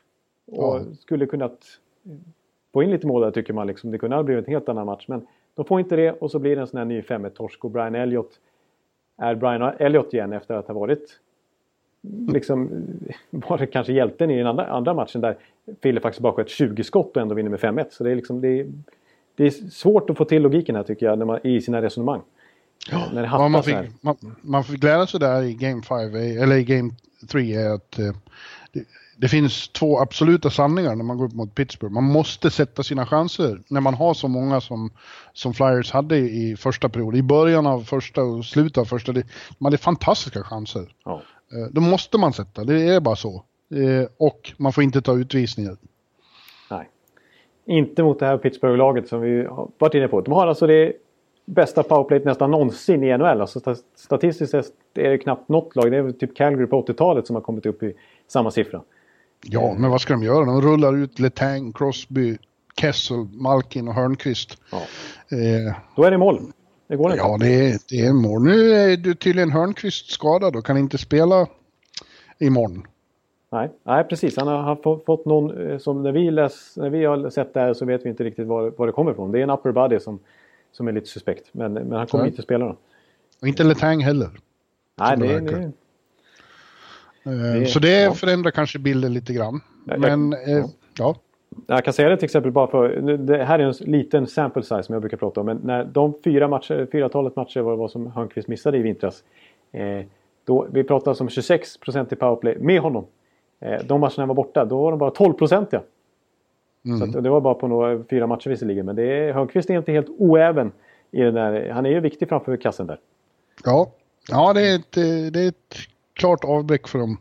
Eh, men samtidigt, alltså, ja. Den här första matchen var ju fruktansvärt imponerande. Då, då var det som att Penguins, efter en grundserie som har varit sådär halvintressant för dem, tryckte till liksom och nu jävlar. Och Malkin och Crosby spelade helt otrolig hockey. Liksom. Och när de gör det och är på det humöret då är det ju bara morsning och goodbye för alla andra. Ja, precis. För oavsett om det är Philadelphia jag möter eller vilket den lag vi sitter här, vilken serie vi skulle prata om med Pittsburgh som ena part så är det ju, så är det ju de två framförallt som är liksom den stora eh, grejen som tippar över till Pittsburghs fördel. Liksom. Ja. Som är så svårt att komma åt och komma runt och framförallt nu på senare år när, när Mike Sullivan verkligen har tutat i hela laget att inte bry sig om andra saker Nej. som kan störa dem. Utan när, när de får vara sig själva och verkligen fullt motiverade som de verkligen var i första matchen och bara gick ut och också signalerade ett riktigt Boston-statement där nästan. Eh, då, alltså hattrick av Crosby och sen Ja. en lysande insats av Malkin också. Ja, ja och just det där du säger med att eh, förra om åren, de här konstiga serierna som var mellan de här två lagen, så lyckades Flyers och deras fans inte minst komma under skinnet på, på Crosby och så att han kom ur balans. I den här tredje matchen jag var på, det var ju sånt hat mot Crosby så att det, det liksom, redan under värmningen så ekade hela hallen Crosby sax och sånt. Liksom. Och de hade lagt bilder på Crosby i pissoaren. Ja, precis. Jag såg också. Pissoarerna så var det Crosby-bilder som man fick pissa ner där helt enkelt. Ja. Ja. Och han brydde sig inte det minsta. Liksom. Förr, förr så blev han störd, nu bara stänger han ut allt sånt där larm. Eh, och som sagt, gjorde en ny, ny kanonmatch. Ett mål, tre assist var det väl. Ja, och, och en liten utmanare till eh, Claude Giroux The Shift. Ja, När han eh, förnedrade Crosby där för den matchen vi pratade om förr i tiden då så eh, då han blev söndertacklad och Giroux sen gjorde, gjorde mål i samma byte. Eh, Nu var det ju tvärtom. Nu var det Giroux som tek, vinner tekningen framåt så att Giroux inte alls var med på.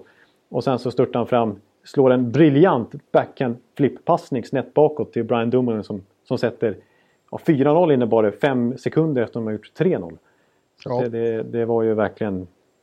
Då känns det som att Crosby... Ja, han är, han är, McDavid får passa sig. Det finns en, en annan väldigt skicklig spelare i den här värld- världen också som, som vill titulera sig som bäst fortfarande. ja. Och eh, McDavid har inte gått igenom såna här saker än och blivit såna stålbad som var hatade av 19 000 i Philadelphia. Ja, det är bland det värsta man kan uppleva nästan kanske. prestera i den miljön. Är... Samtidigt, Flyers är ju så konstiga liksom. Nej, vänta nu, nu ska vi säga en sak till. Ja. Du, du, du sa ju eh, Brian Elliott där har varit skakig till och från. Ja. Det har ju däremot inte Matt Murray. Att anledningen till att Flyers inte gjorde några mål där under sin fina press i början var ju att Matt Murray igen, liksom, efter en högst medioker grundserie, går in och är är slutspels-Matt Murray igen. Ja, nu är Totalt ju den där uh, Matt Murray som, som har vunnit Ja. två Stanley Cups. Liksom. Totalt iskall, liksom. vilket unikum. Ja, det får man nästan eh, titulera honom som. Jag tycker han var ruskigt bra i första matchen också. När Ja. Flyers inte var oävna. Det blir ju liksom 7-1, men det är inte en 7 7-0 till och med. Det är, det är inte en 7-0 match chansmässigt. Jag menar Flyers skapar ju mycket chanser då också, men det är Matt Murray som utklassar Brian Elliott i målvaktsmatchen. De är inte ens jämförbara i den här serien. Alltså. Eh, totalt Nej. sett, även om Elliott då hade sin Game 2. Men nej, det, det... Nej, Matt Murray är... Han är bra. Ja, och resten av Flyers är konstiga liksom. Man får ingen grepp om vad de kommer att göra för matcher. De kan vara hur bra som helst och sen kan de vara liksom inte alls bra och eh, mentalt svänger det hit och dit också. Så när de hamnar i underläge där i, i första hemmamatchen då är det som att det, nej, det går inte. De har inget av det där som Devils visade igår. Nej, precis. Nej, verkligen inte. Där är det stor skillnad på de två lagen när det kommer till den mentaliteten. Liksom. Eh, sen, sen, de känns inte färdiga, Flyers. Alltså. Det, det, det, och det kanske inte ska vara heller, men, men de har mycket som är otroligt bra. Som man Mm. älskar att titta på dem för. för att, man älskar ju Provorov, Ghosty Spear och Giroux, Voracek, liksom, Connectney, Patrick och så vidare. Eh, men sen har de ju en coach då som inte riktigt vet hur han ska använda laget alla gånger. Nej. Det är bara att konstatera. Jag tyckte det var lite kul en sak som Björn Ottosson här som jobbar med TV på redaktionen sa, när, när, apropå Hackstall, att när, när, liksom, när de släpper in mål. Eh, vi- visst, det är inte nödvändigtvis så att en tränare ska bli sur och reagera och börja veva och ha sig i båset. Men varje gång så, när, när Hackstall filmas då, då ser det ut som att han står fastfryst med död blick. Och liksom tittar någonstans. Det ser inte ut som att han tittar på matchen överhuvudtaget. Han står där helt... Han är helt borta känns det som. Ottosson, det är inte han som håller på Jersey? Det gör det precis. Det är Ottosson som håller på New Jersey. Vet du. Ja, så han, han, vet han du lite, det är lite infekterat med oss eh, just nu egentligen. Men, men eh, Och du som höll på att köpa en present åt honom när vi var i, i The Rock. The Rock! The Rock skulle jag ju köpa en, en, någonting åt honom. Men det, jag gjorde ju inte det. Det Nej, det var bra det. Ja, det kanske var bra. Ja, och sen en annan konstig sak är ju faktiskt att, att Flyers mycket okaraktäristiskt tycker jag har tagit några av de här smällarna rakt över kinden utan att reagera särskilt mycket rent aggressivt och fysiskt. Liksom.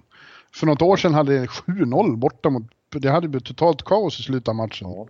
Men det har man sett väldigt lite av tycker Vad var jag. det Wayne Simmons i den här matchen till exempel? Det och, och tydligen har ju Godas då sparat sina värsta tacklingar till träningarna. För i, idag så sänkte han ju tydligen uh, Couturier så han har gått av. Och ingen vet hur illa det är med honom. Ja, det är ju eh, sämsta tänkbara. Ja, om han är borta då är det morsning och goodbye. Då är det eh, Eriksgata till nästa omgång för Pittsburgh. Det tror jag att det är ändå nu. Ja, nej, det, det tror jag också. Det, det, Ja. det ena laget är bättre. Och är Det blir Pittsburgh. 4 blir 4-1 i den serien. Tror jag. Jag, säger, jag ska inte låta så här tvärsäker som somliga gör. För det förbryllar mig alltid när somliga vet hur det kommer att gå efter bara några få matcher. Nej, det vet man inte. Det är, o- kan vi skriva under på utifrån våra tips. Men jag tror att pingvinerna är för starka för Flyers i, i det här läget. Flyers har en fin framtid dock. Eh, Om de får fram någon målvakt också. Ja, precis. Målvakt, eh, bredd på backsidan, en ny tränare. Och Ja. eh, lite mer utveckling på, på hela eh, laget i stort. De har ju ett ungt spännande lag. Så, att så kommer, kommer de absolut kunna ut, bli contenders på, på allvar. Liksom. Ja, de har Inom- Oskar Lindblom. Nu, Ja. nu som jag har förstått så blir han petad i nästa match. Han har ju haft svårt att, att hävda sig i de här matcherna och det är inte så konstigt. Det är första gången han är i ett Stanley Cup-slutspel. Det- För de flesta tar det tid att lära sig det som händer nu på isarna. Liksom. Det är något helt annat än de någonsin har varit med om. Ja, nej, det, det är den där storebrorsan och så vidare. Ja. Som vi brukar prata om. Ja. Ja. Nu flyttar vi till eh, västra konferensen och börjar på vårt traditionsenliga sätt i eh, Central. Ja. Där pres- Presidents Trophy-vinnarna går upp mot Colorado. Och eh, det blir ingen jättelätt resa för dem har vi redan kunnat konstatera. De vann visserligen de två första hemmamatcherna programenligt. Men eh, det var inte precis lätt. Colorado gjorde två jävligt bra matcher i Bridgestone tycker jag. Ja. Och eh, inte helt oväntat så slog de till med en seger första matchen i Pepsi Center igår kväll. ja.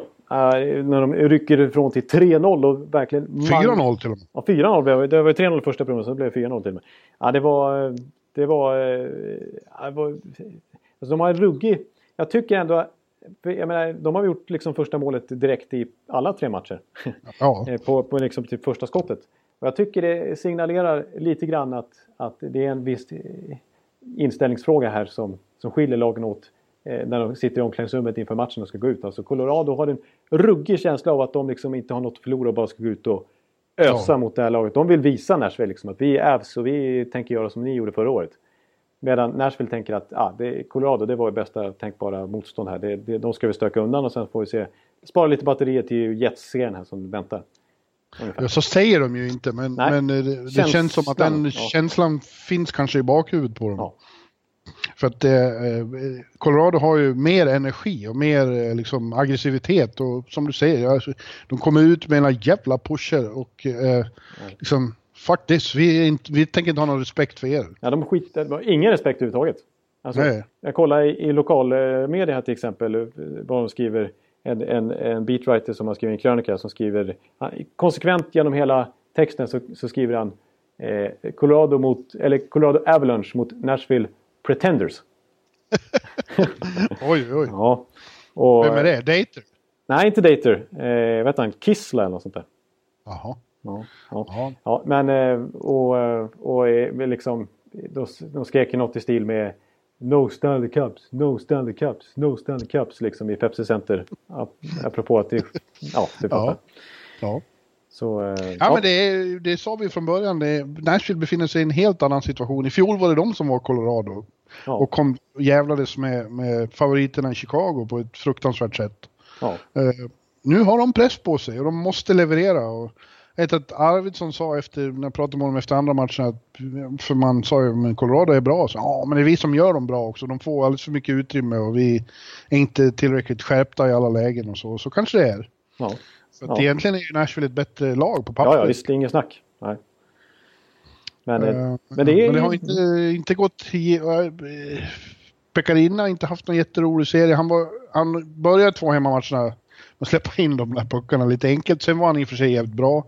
De, men igår blev han ju utjagad efter de Ja. där fyra målen. Precis, det tog slut redan efter halva matchen ungefär.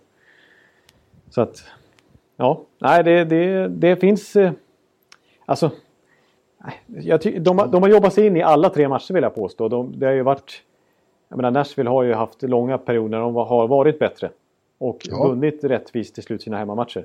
Eh, men eh, Får de bara ledningen i en match så Ja. tror jag att man håller de ledningen. Men de, de får ju inte det. Nej, de, måste, de måste komma ut och, och försöka matcha Colorados intensitet. Alltså, för det har de inte varit i närheten av. Och då blir det den här uppförsbacken i varje match. Som både är Ja. jobbig fysiskt och mentalt. Liksom. Ja, de är ju bra på att komma tillbaka från underläge men som sagt det sliter ju mentalt framförallt förmodligen. Då blir det ju mycket jobbigare än vad det ska behöva vara. Liksom. Ja, jag pratade med Landeskog igår också efter, efter segern där och det, han lät, eh, det var något i hans sätt att prata som också gjorde att jag kände att de här, de här kommer att, att ge Nashville mer problem. Han sa att eh, de kände att de fick blodad tand efter matcherna i, i, Nashville fast de åkte på två raka förluster. De kände att vi kan stå upp mot dem, vi kan till och med föra spelet på bortaplan. Eh, vi, vi känner att vi, vi är långt ifrån klara. Alltså. Han, han har ju varit ruggigt bra. Alltså, visst, McKinnon är ju liksom MVP även i slutspelet. Där, men, men Landeskog är inte långt efter. Alltså. Han har varit, Nej. I den här matchen igår tyckte jag han var suverän. Ehm, Ja, vilken, vilken krigare. Han är Ja. en riktig han är, slutspels precis. Han är, ju- han är en sån som lyfter sig, det märker man ju. Ehm, hade en eh, fight med Filip också. Ja. De hamnade i slagsmål. ja, det, är- Apropå respekt och sådär. De eh, skiter att det är Filip som står där. Mm. Filip för övrigt, första matchen, två mål. Och det sista var ju så snyggt så det kanske snyggaste i hela slutspelet. Ja, det var, det, det var topp. därför jag omnämnde Panarin som topp tre bara. För det finns ju... Ja, ja, det är han och Panarin och Malkins i första matchen också. Eh, och, och så Forsberg fått tag i pucken i, i egen zon. Och åker rakt över isen och gör en fint mellan benen, snurrar upp Girard. Ja. Girard utan i i det här fallet. Ja, Betydligt en, bättre. en bättre back än han med i. Ja. Ja, och stängt in den. Det var ju fantastiskt snyggt. Och han, man såg ögonen på honom efteråt. Såg ni? Såg ni? ja, exakt. Det var lite Showtime Kane där som, Ja. som eh, Forsberg eh, tog efter. Ja. Och eh, apropå snygga mål så var det ju även eh, lite av ett klassmål, eller ett signature RB-mål som han gjorde i andra matchen när han åkte Ja. med full fart som bara han kan göra nästan när han får för sig någonting och, och sprätter in en slag, klappar till ett slagskott rakt in i bortre. Liksom. Ja. Mycket avgörs imorgon, eller hur? I Game 4. Ja. Om Colorado kvitterar då är det en jävligt öppen serie. Ja, Om. Nashville tar ledningen med 3-1 då, då får Avalanche svårt. Och jag törs fan inte säga om hur det kommer att gå. Nej, jag tycker nästan vi avstår från det. Alltså. det, men det, det, jag håller med om det resonemanget att jag tror ballongen pyser ut lite grann om Nashville skulle ta, knippa en match där. Men eh, blir det 2-2, då är det helt öppet igen. Frågan är vad som händer med Nashville. Ja, ja precis. Ja. Vad händer med Nashville om det blir 2-2? Då är det all press på dem. Då ska de åka hem igen till, till, till liksom, eh, Bridgestone och måste vinna. Annars är det ju... Annars Ja. ska åker de tillbaka till Colorado och, och ha kniv mot strupen. Det, det, det, då är det ju kört nästan. Ingen gång i fjol förlorade de två slutspelsmatcher i rad. Nej. Nej. Det, Och de, var aldrig, de var, stod aldrig för några Game 7. Det var fyra matcher mot eh, eh, Chicago. eh, Chicago, sex mot St. Louis, sex mot Anaheim, sex mot Pittsburgh. Då förlorade de då i och för sig sista. Men, men eh, ja, Ja, de, de testas nu eh, direkt, eh, Nashville. Det trodde vi Ja, inte. Men nej. det, Colorado har gjort... eh, De, de, nej, det är imponerande. Riktigt imponerande. Om nu Nashville tar sig vidare då så tror jag i och för sig att det inte alls är till nackdel för dem att de har testats eh, i första Nej. omgången. De Det fått- tror, jag kan, det tror jag kan vara bra, om det inte blir för många matcher. Ja. Nej, precis. Det, det kan ju vara den här uh, väckarklockan liksom. Som signalerar att, man, att alla är vakna och igång. När det verkligen gäller. Att, ja. Ja. För nu, nu, har de, precis, nu har de känt på vad som kan hända annars. Yes. Ja, sen har vi Winnipeg, Minnesota då. Winnipeg Jets, Minnesota Wild. Och där var det också två sådana matcher först i, i, i, uppe i Winnipeg när det kändes som de tog enormt kommando över serien. Och var ganska överlägsna mot Minnesota. Men när de kom till eh, exit i St. Paul, då gjorde Minnesota ett statement. Till och med när jag pratade med Jonas Brodin efteråt så använde han uttrycket statement. Eller det var jag som använde det, men han sa att ja, det var ett statement.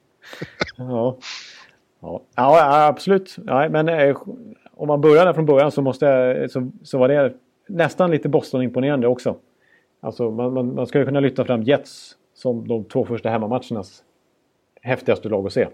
Visst, det, var, det var inga utklassningar de bjöd på. Minnesota lyckades ju, tack vare Devin Dubnik vill jag säga, hålla sig kvar eh, något sånär i, i ma båda matcherna. Eh, men eh, alltså, vad var det, 84-37 i skott eller någonting på två matcher. Eh, enorm, det kändes ibland som att det var spel mot ett mål. Ja, Eh, och, och Winnipeg inför sitt whiteout. En riktigt häftig syn att få se igen. ja verkligen. Det, det var skräckinjagande. Alltså. Det, det, kändes, de, de, de, de, det kändes som att det kan bli lite feeling i det där jetslaget eh, utifrån hur det såg ut då. Alltså, Absolut, absolut. Och, och de har lite samma som vi har sagt om några andra lag här. Det känns som ett jävligt solitt kollektiv men också med, med individuella spetsar som skär hår i, i, i motståndarna i, i form av Liner då framförallt som har ja, visat, presenterat sig. ja, slutspel är inget märkvärdigt för honom. Eh, men även Shifley och Wheeler och, och för inte tala om Dustin Bufflin som har Ja, har proppat eh, varenda Minnesota-spelare hittills känns som. i match nummer två så var han ju helt otrolig vad han flög omkring och bara smällde på. Ja visst, det var Mikko Koivu hit och det var eh, Joel Ja. Eriksson Ek dit och så vidare. Ja, de flyger, de flyger som vantar. ja, det var ju såna här, alltså, såna här tv-spelstackningar som, man inte, som inte är overkliga i, i, i realiteten tycker man. Liksom, när, när spelare flyger som de väger ingenting. Nej, det var, det var, det var klasskillnad där uppe. Ja. Både i speed Men grejen och var, tyngd. ja. Speed, tyngd och, och skill var det klasskillnad. i. Men det var ju så när de kom till Minnesota då så var Minnesota jävligt bra också. Ja, Det är två bra hemmalag där. Nej, det är ettan och tvåan i hemmaligan tror jag. I grundserien. Mm.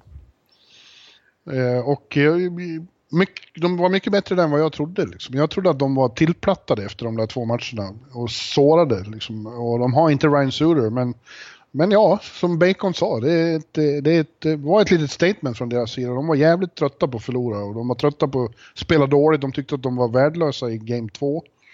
Ja. Eh, och alla klev fram som måste kliva fram. Stahl, eh, Parise Ja. eh, och inte minst Jonas själv som får ta så stort ansvar i Suters eh, frånvaro.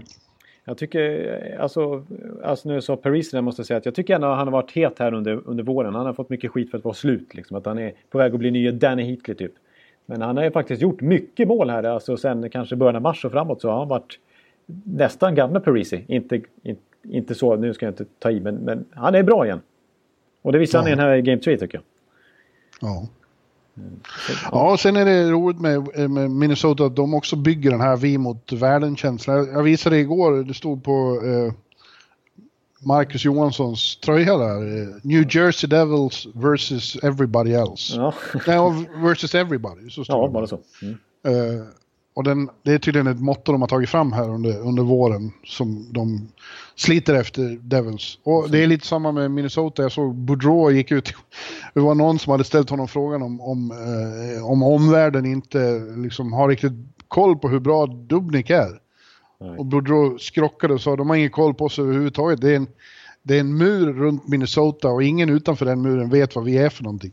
Oj, ja, nej men alltså Dubnik eh, har ju varit fantastisk också. Är, han, jag tycker han har varit deras kanske bästa spelare alla tre matcher. Eh, Även den här hemmamatchen när de vinner med 6-2. Det är ju, då, då, gör- då gör de ju verkligen... Det största statement kommer ju andra perioden när de gör fyra mål och sticker iväg till 6-2. Ja, Eh, Och de faktiskt eh, svarar med lite samma mynt. Det är många som presterar i- i laget då. Och de, de spelar med tyngd. De, de smäller ju på jetspelarna ordentligt. Men de har också speeden. Kommer i våg efter våg i kontringsspelet. Eh, där, där var det faktiskt Minnesota som jag plötsligt eh, ställde Jets på hällan lite grann. De var inte beredda på att, att Wild hade det där i sig. I ett ganska hyfsat drag i exet också vill jag säga. Ja, det, de har en fantastisk publik där. Men en, en törstande, hungrig publik som inte har fått de framgångar som de har räknat med. Men Nej, det- det- vill och kräver. Det är en, det är en hockey. Det är ju USAs hockeystat Minnesota liksom. Ja, ja det är det. Så att det, det, det, där, är, de vet vad det här handlar om. Liksom. Så får vi se vad det betyder då att Winnipeg på vägen dit fick ju lite krångel för det var snöstorm i Minnesota så de, när de skulle flyga dagen före som man alltid gör i NHL och framförallt i slutspelet eh, så fick de lov att landa i Duluth i Ja. norra Minnesota för att det gick inte att landa och efter att ha väntat där några timmar fick de flyga hem igen och sen kom de till Minneapolis först på eh, matchdag. Och det kanske, det kanske låter odramatiskt för svenskar som liksom där lagen kommer lufsande i buss en timme före uppvärmning. Eh, Men, men det stör ju i rutinerna. Man, man har vant sig vid och, och har ett visst sätt att ladda. Jag vet inte hur mycket det betydde. Men, och det får vi kanske svar på ikväll då i match nummer fyra. Eh, Ja. Som blir extremt intressant. Jag tror så här om den. Om, om eh, Winnipeg vinner så är det som i de andra serierna vi har pratat om, då, då har de det här. Men blir det 2-2 då tror jag den här serien går till sju matcher. Ja, det tror jag den, det enda, är. Ja. Mm. den kanske är den enda som gör det. Ja, mm, alltså, för jag, jag tror... Mm, ja, mm, ja. Nej, men alltså... nej, men jag tror att eh, en, en annan sak som är lite... Vi får se om Tyler Myers kan spela. Det verkar ju nästan inte så. Och, och, och då tycker jag att de börjar få lite avbräck här på backsidan. Tobias Jennström har ju inte spelat någonting hittills Nej. och inte heller eh, Dmitri Kulikov. Men det är ändå tre riktigt etablerade backar. Och så får de förlita sig på, utöver sina tunga pjäser de har kvar. då. Men det är Ben Chiro som får större roll och det är Joe Morrow. Och det är Tucker Poolman liksom. Det är inte, det är inte 5 plus. Eh, så att eh, där öppnar det sig en liten svaghet också, tycker jag. Eh, när, de, när, när de börjar få lite avbräck, avbräck på backsidan. Eventuellt. Så att, ja, men jag, jag, tycker nog att Jets... Jag tycker lite, jag vill slå fast för mitt gamla statement där att, att Jets, trots att det då blev 6-2 till slut, så, så tycker jag att Jets känns närmare en bortaseger än vice versa. Jag, jag tror inte att Minnesota har chans på bortaplan.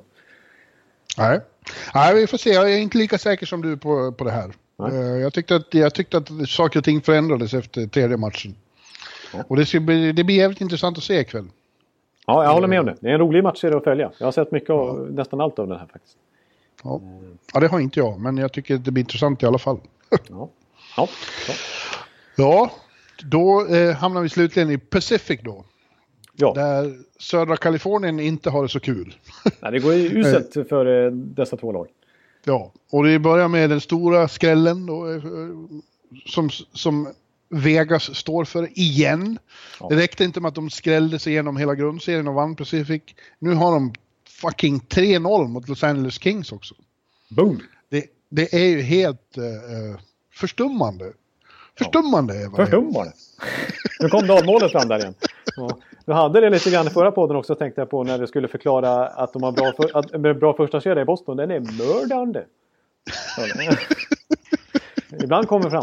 Ja, nu sitter ju ditt dalmål äntligen. Nu Ja. fick du äntligen, höra Äntligen det. eh, revansch. Ja, Publiken. Ja, ja, ser, jag, förstummande. jag kan ju lite grann. Ja, Ja, det är förstummande. förstummande. Ja. Ja. Ja, nej, men jag håller med om det. Alltså, eh, Ja, det, ja, det var svårt att, att gå vidare här nu. Men, Ja, det blir svårt. Men, men ja, det har visat sig att de är extremt svåra att spela mot i slutspel också. Ja. Eh, I alla fall för Kings. De, de, de har väldiga problem med deras speed eh, och deras Ja. liksom, lagspel. Vi pratar där pratar vi verkligen om lagspel hos Vegas. Ja, visst. Ja. ja, det är återigen eh, alltså... Alltså, det, det, nej, det, var, det var lite som jag vill påstå att jag förutsåg inför den här serien. För jag tippade ju Vegas. Eh, Ja, du gjorde ju faktiskt Ja. det. det, det kanske den enda. ja, men jag, jag tyckte, det finns flera faktorer till det, men jag tyckte ändå att det är så pass viktigt med speed idag. Visst, man måste ha tyngd och man måste ha erfarenhet också och, och skill naturligtvis. Och, och topparna i, i Kings är man ju väldigt fascinerad av med Kopitar och Dowdy och Quick i kassen och Carter och sådär som har enorm erfarenhet och som har fina säsonger bakom sig. Men alltså bredden är det ju klasskillnad på vill jag säga. Och, och sen är det ju så här, men man, man, man måste ju sluta underskatta liksom Karlsson och Marciso och Riley och Neil som har skjutit typ lika många skott som eh, halva Kings liksom. Ja, Så att de, de är bra Vegas. De är det och de har en väldigt bra målvakt. Eh, Flurry är ju i, ja, spelar på toppen av sin förmåga. När han har varit som bäst i Pittsburgh så är han nu också. Ja, han är nästan lite så här konkurrerar i, i den väldigt tidiga Conn Smythe-diskussionen. Ja. Ja. Eh, ja, absolut. Och eh, det har ju Jonathan Quick också Ja, jävligt bra. exakt. för att- Det är han som har räddat Kings så att det har varit Ja. jämnt i alla matcher. Ja, precis. Det har ju varit, det är väl, tycker jag, lite oväntat då. Det har ju varit den målsnålaste serien och, och minst, minst eh, eh, marginaler i siffrorna. Eh, men å andra sidan, eh, när, när Vegas vann andra matcherna på övertid så var de dominerade de ju så fruktansvärt på övertid så att man, man undrar om Kings någonsin skulle skjuta ett skott överhuvudtaget. Nej, exakt. Det dröjde, vad dröjde det? Hur många minuter dröjde det egentligen innan, innan de kom upp i 30 skott totalt i matchen trots att det var så double OT liksom? Ja. Det de, väldigt Men- uddlösa. Ja, men igen, eh, William Karlsson säger, när man frågar honom, ja, det var ingen som trodde på det nu heller. Nej, så det är perfekt. Vi var underdogs i grundserien, vi är underdogs nu, vi älskar det. Fortsätt så, tro inte på oss. Precis. De, de spinner fortfarande på det där liksom misfits-temat. Ja, och det funkar ju utmärkt. Och de frustrerar ju Kings något fruktansvärt. Dowdy som vart avstängd och missade Game 2 då, ett fruktansvärt avbräck för Kings. Ja. Men man ser på dem, de, de hatar ju det här. Liksom. De vill inte bli tilltvålade av Vegas. Nej, det är ju precis. Och John Stevens som, alltså han är riktigt frustrerad nu. Visst, jag tyckte det var en ful grej som Howla gjorde med när han sätter upp klubban rakt upp i koppet där. Det skulle, det skulle kunna vara avstängningssport. Det kanske kommer någon dom till och med här, här är- när vi pratar. Nej, det är för sent. Det, är för sent. det, det, kommer, det kommer ingen. Nej. Eh, men, men alltså det är ändå liksom... Ja, Han stod och gnällde på Ja, gnällde presskonferensen. det är bullshit och fucking... Ja. Liksom, så här, liksom. det, det, Och då vet man att då är man illa ute. Ja, precis. Det är liksom inte fokus på vad Kings måste förbättra utan det är liksom fucking refs. Liksom. Ja, ja precis. Och det, det sa du tidigare, det är en gammal käpphäst för mig. Men det lärde jag mig rätt tidigt här. Att så fort tränare och spelare sitter och gnäller, liksom, då, då, då är de rökta. Ja, då, exakt. Det är inget medel för framgång, tvärtom.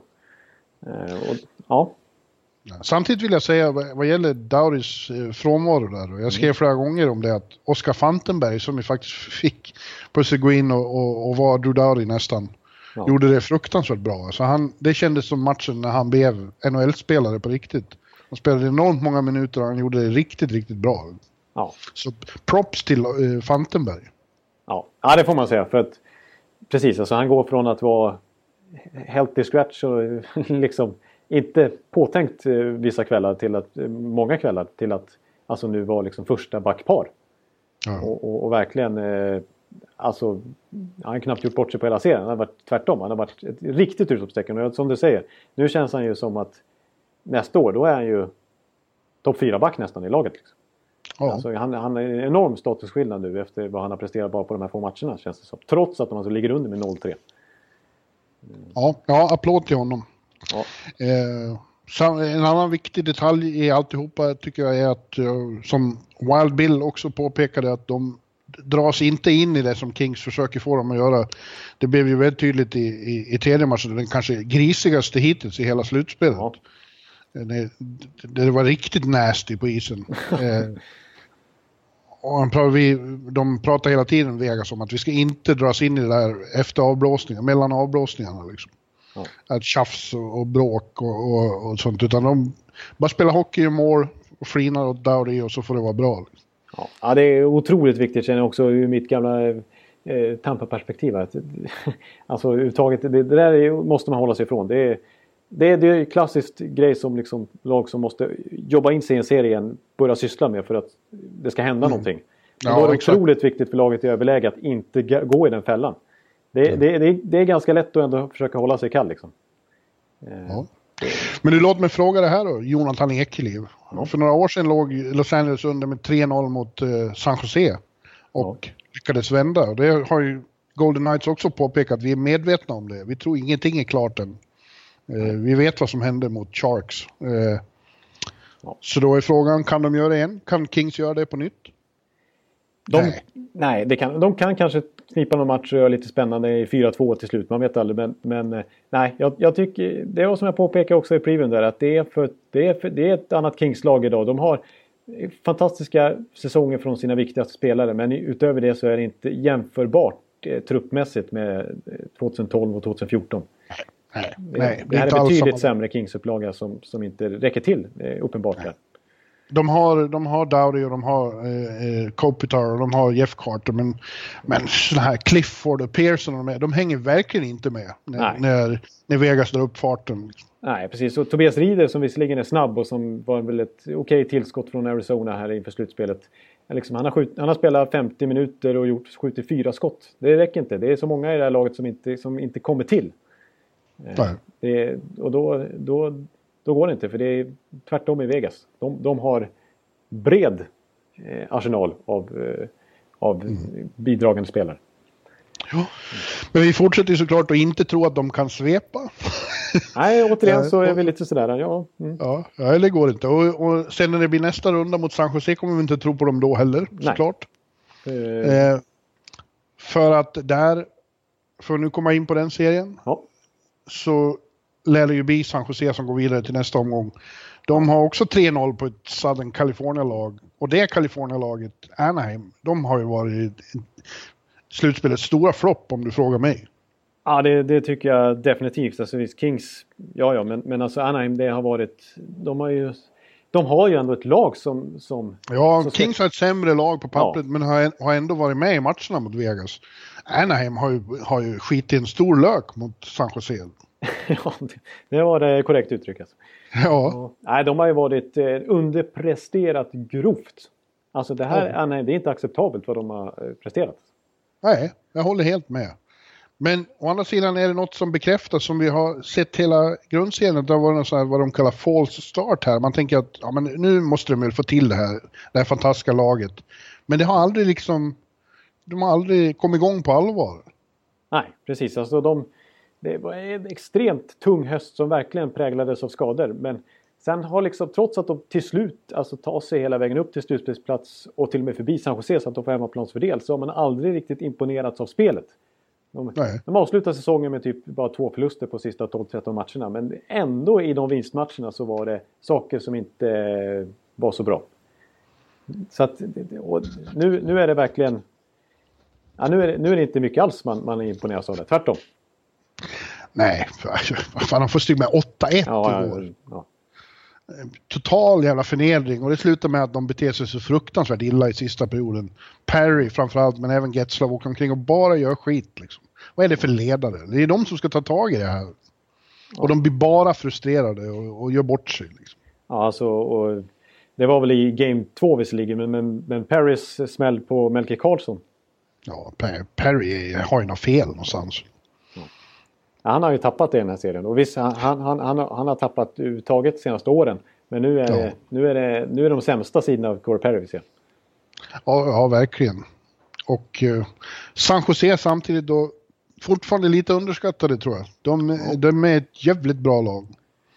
Ja, Och de har ju verkligen den här feelingen nu vi pratar om. Ja. De har också kanske slutspelets hetaste bästa målvakt i, i Martin Jones. Ja, det, Han har verkligen steppat upp nu han. precis. Alltså, nu är, är det 2016-form här på Martin Jones när han var helt fantastisk när de gick hela vägen till final. Ja. Det var han faktiskt. Och, och, eh, trots att det blir 8-1 i den här matchen mot Anaheim så får jag ändå tillägga att de skjuter 46 skott dags. Så de är inte, ger ju inte upp totalt eh, spelmässigt. Utan, ja, de var ju med tills det brakade ihop i andra perioden då. Ja. Spelade bra då och öste skott mot honom. Men, men de pallade inte det när de fick några mål emot sig. Då bara gick golvet ur. ja, då, då gick de för att skada i princip nästan. Ja, ja usch. Eh, så att, men det är det här återigen med, med speed alltså. Det är viktigt i dagens hockey alltså. det, och det finns gott om speed i det här eh, Sharks-laget alltså. Eh, Ja. Dels de här som, som var så framträdande breddspelare eh, för några år sedan. Alltså Donskoj och Melker Karlsson kan man lägga till. Men Hertel till exempel. Eh, men även Ja, jag skulle, jag skulle just säga det. Vi har ju klagat på dem att de har fastnat i utvecklingen, de där. Mellangenerationen. Mm. Men de här matcherna har ju just Donskoj varit helt grym. Och, och, och Meyer och, och... Heter han inte det? Ja, Meyer. alltså, Timo Meyer, adderar man de här nytillskotten som, som blev som inom citationstecken nyförvärv inför den här säsongen. Det var därför man inte värvade några spelare i somras. Inte knappt en spelare för att man skulle satsa på sina e- egna talanger. Och just Timo Meyer, fantastiskt bra. Kevin LaBanc, fantastiskt bra. Marcus Sörensen, väldigt bra. Ja visst, han har gjort mål två matcher i rad och det igår var ju skitsnyggt. På två mot ett läge med just Donskoj.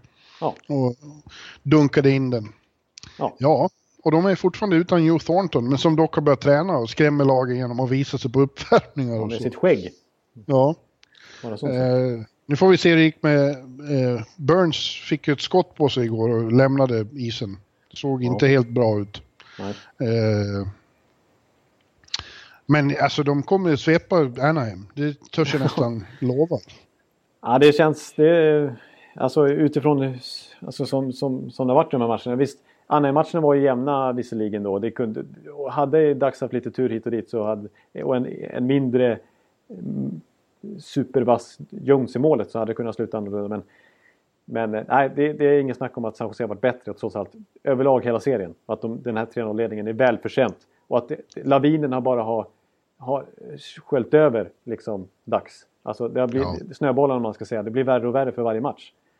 Ja, och det känns som Randy Carlisle har tappat laget lite. De är inte så att de vill kriga för honom direkt. Jag tror att han eh, har gjort sin, satt sin sista potatis med den här slutspelsserien och att hans karriär som NHL-coach är över nu.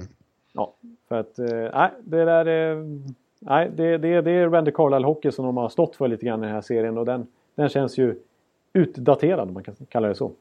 Ja, Och, eh, ja, jag tycker det, det är många i dags som man skulle kunna anmärka på som jag inte tycker är vad, vad de borde vara eller som man har, har för bild av dem. ser, nu ser jag ett UFO utanför fönstret. Det var ju fan. Du ser ett UFO. Det hade inte, ja, det hade jag inte räknat med. Är, Ja, vi har UFOn på det är en Manhattan. världsnyhet som du bara eh, trycker in lite subtilt här i slutet av podden. Ja. Så får det vara... Jaha, Det är Space Invasion coming. hur ser ett UFO ut? Ja, det såg ut lite som en ballong, men den rörde sig för fort för att vara för en ballong. Okej, alltså om, eh, om det här är på riktigt då förväntar jag mig att kunna läsa spaltmeter om det här i, inom några minuter på vilken nyhetssajt Ja. som helst. Ja, Ja, vi får se. Vi får se. Vi får Men se. då vet ni vad ni hörde det först, Ja. egentligen. ja. sjukt. Ja. Ja. Ja. men hörru du Ekeli, du ska gå och jobba med final och sånt du. ja, precis. När vi spelar in det här så pågår alltså första SM-finalen i Sverige här mellan Skellefteå och Växjö. Men jag fick ju chansen att eh, köra lite NHL-snack i istället. Och då tog jag chansen förstås. Har du sett vad bra Brage har börjat i Superettan? De slog ju bland annat ditt Gävle. Så Tack, för, tack så mycket för den här veckan. Trevligt. Och nu tror jag att jag måste skynda mig tillbaka här faktiskt. Nej, Så det, slog de Öster sen också. Och jag ligger på delad andra plats i Superettan nu. Brage är laget, kom ihåg det. Och Gävle förlorar mot Degerfors. Eh, så att, eh, ja. Eh, nej, tyvärr. Eh, Superettan eh, kan vi lämna det här. Vi, Ja, det, ska, det här är ingen Superettan podcast ja, precis. även om vi, vi har våra lag där också. Men, Nu ska vi knyta ihop säcken. Jag ska springa iväg till Apple-butiken för jag måste hitta, jag har köpt ny dator som bekant och den brakar ihop i Kanada. Och nu sitter jag med, de här nya jävla apparaterna har de inte så mycket uttag i. Liksom. De stänger igen dem. Man tycker Men- att de borde göra fler ju modernare saker det blir, men de tar bort istället. Så jag måste Men- gå och köpa någon adapter till sån här Ethernet cable, för det måste man ha, inte minst i New Jersey där det var tekniskt haveri igår. alltså, ja. Och, och de vet ju hur man tar betalt för små saker också, Det Apple. är ju ruggigt dyrt Apple alltså, om man har någon, någon sån här liten grej man ska köpa. Det, då får man hosta upp eh, dollarsedlar. Alltså.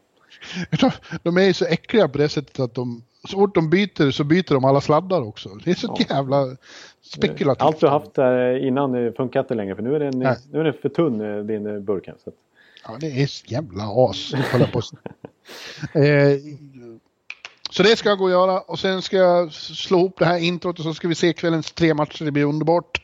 ja. Eh, och eh, du ska jobba och sen se matcher också, utgår jag från. ja, precis. Exakt. Och så ska jag så, så snabbt Förlåt. ska jag försöka få lite utrymme igen här, så att jag hinner klippa ihop det och skicka ut det så att ni hinner lyssna på det eh, så många som möjligt innan, det, innan nattens Ja. matcher börjar också. Ja.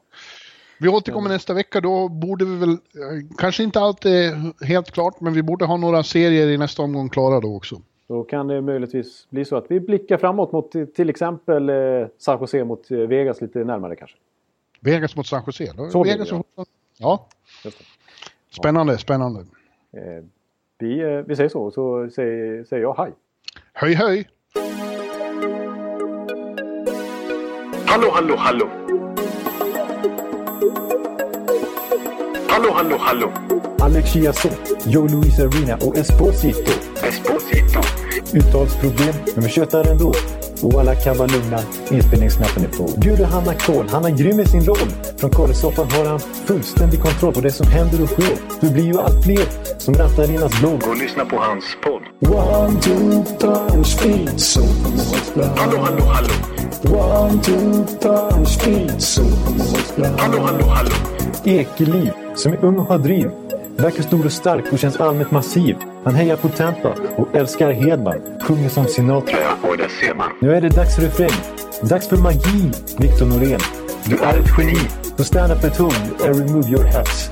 Höj volym, för nu är det plats. One, two, three, speed, so Hallå, hallå, hallå. One, two, three, speed, so Hallå, hallå, hallå. One, two, time, street, supermålsplan. Hallå, hallå, hallå. One, two, time, street, supermålsplan. Hallå, hallå, hallå. Det er utroligt længe siden mor, der samtidig også har råd. Hallå, hallå, hallå. Det er utroligt længe siden mor, der samtidig også har råd.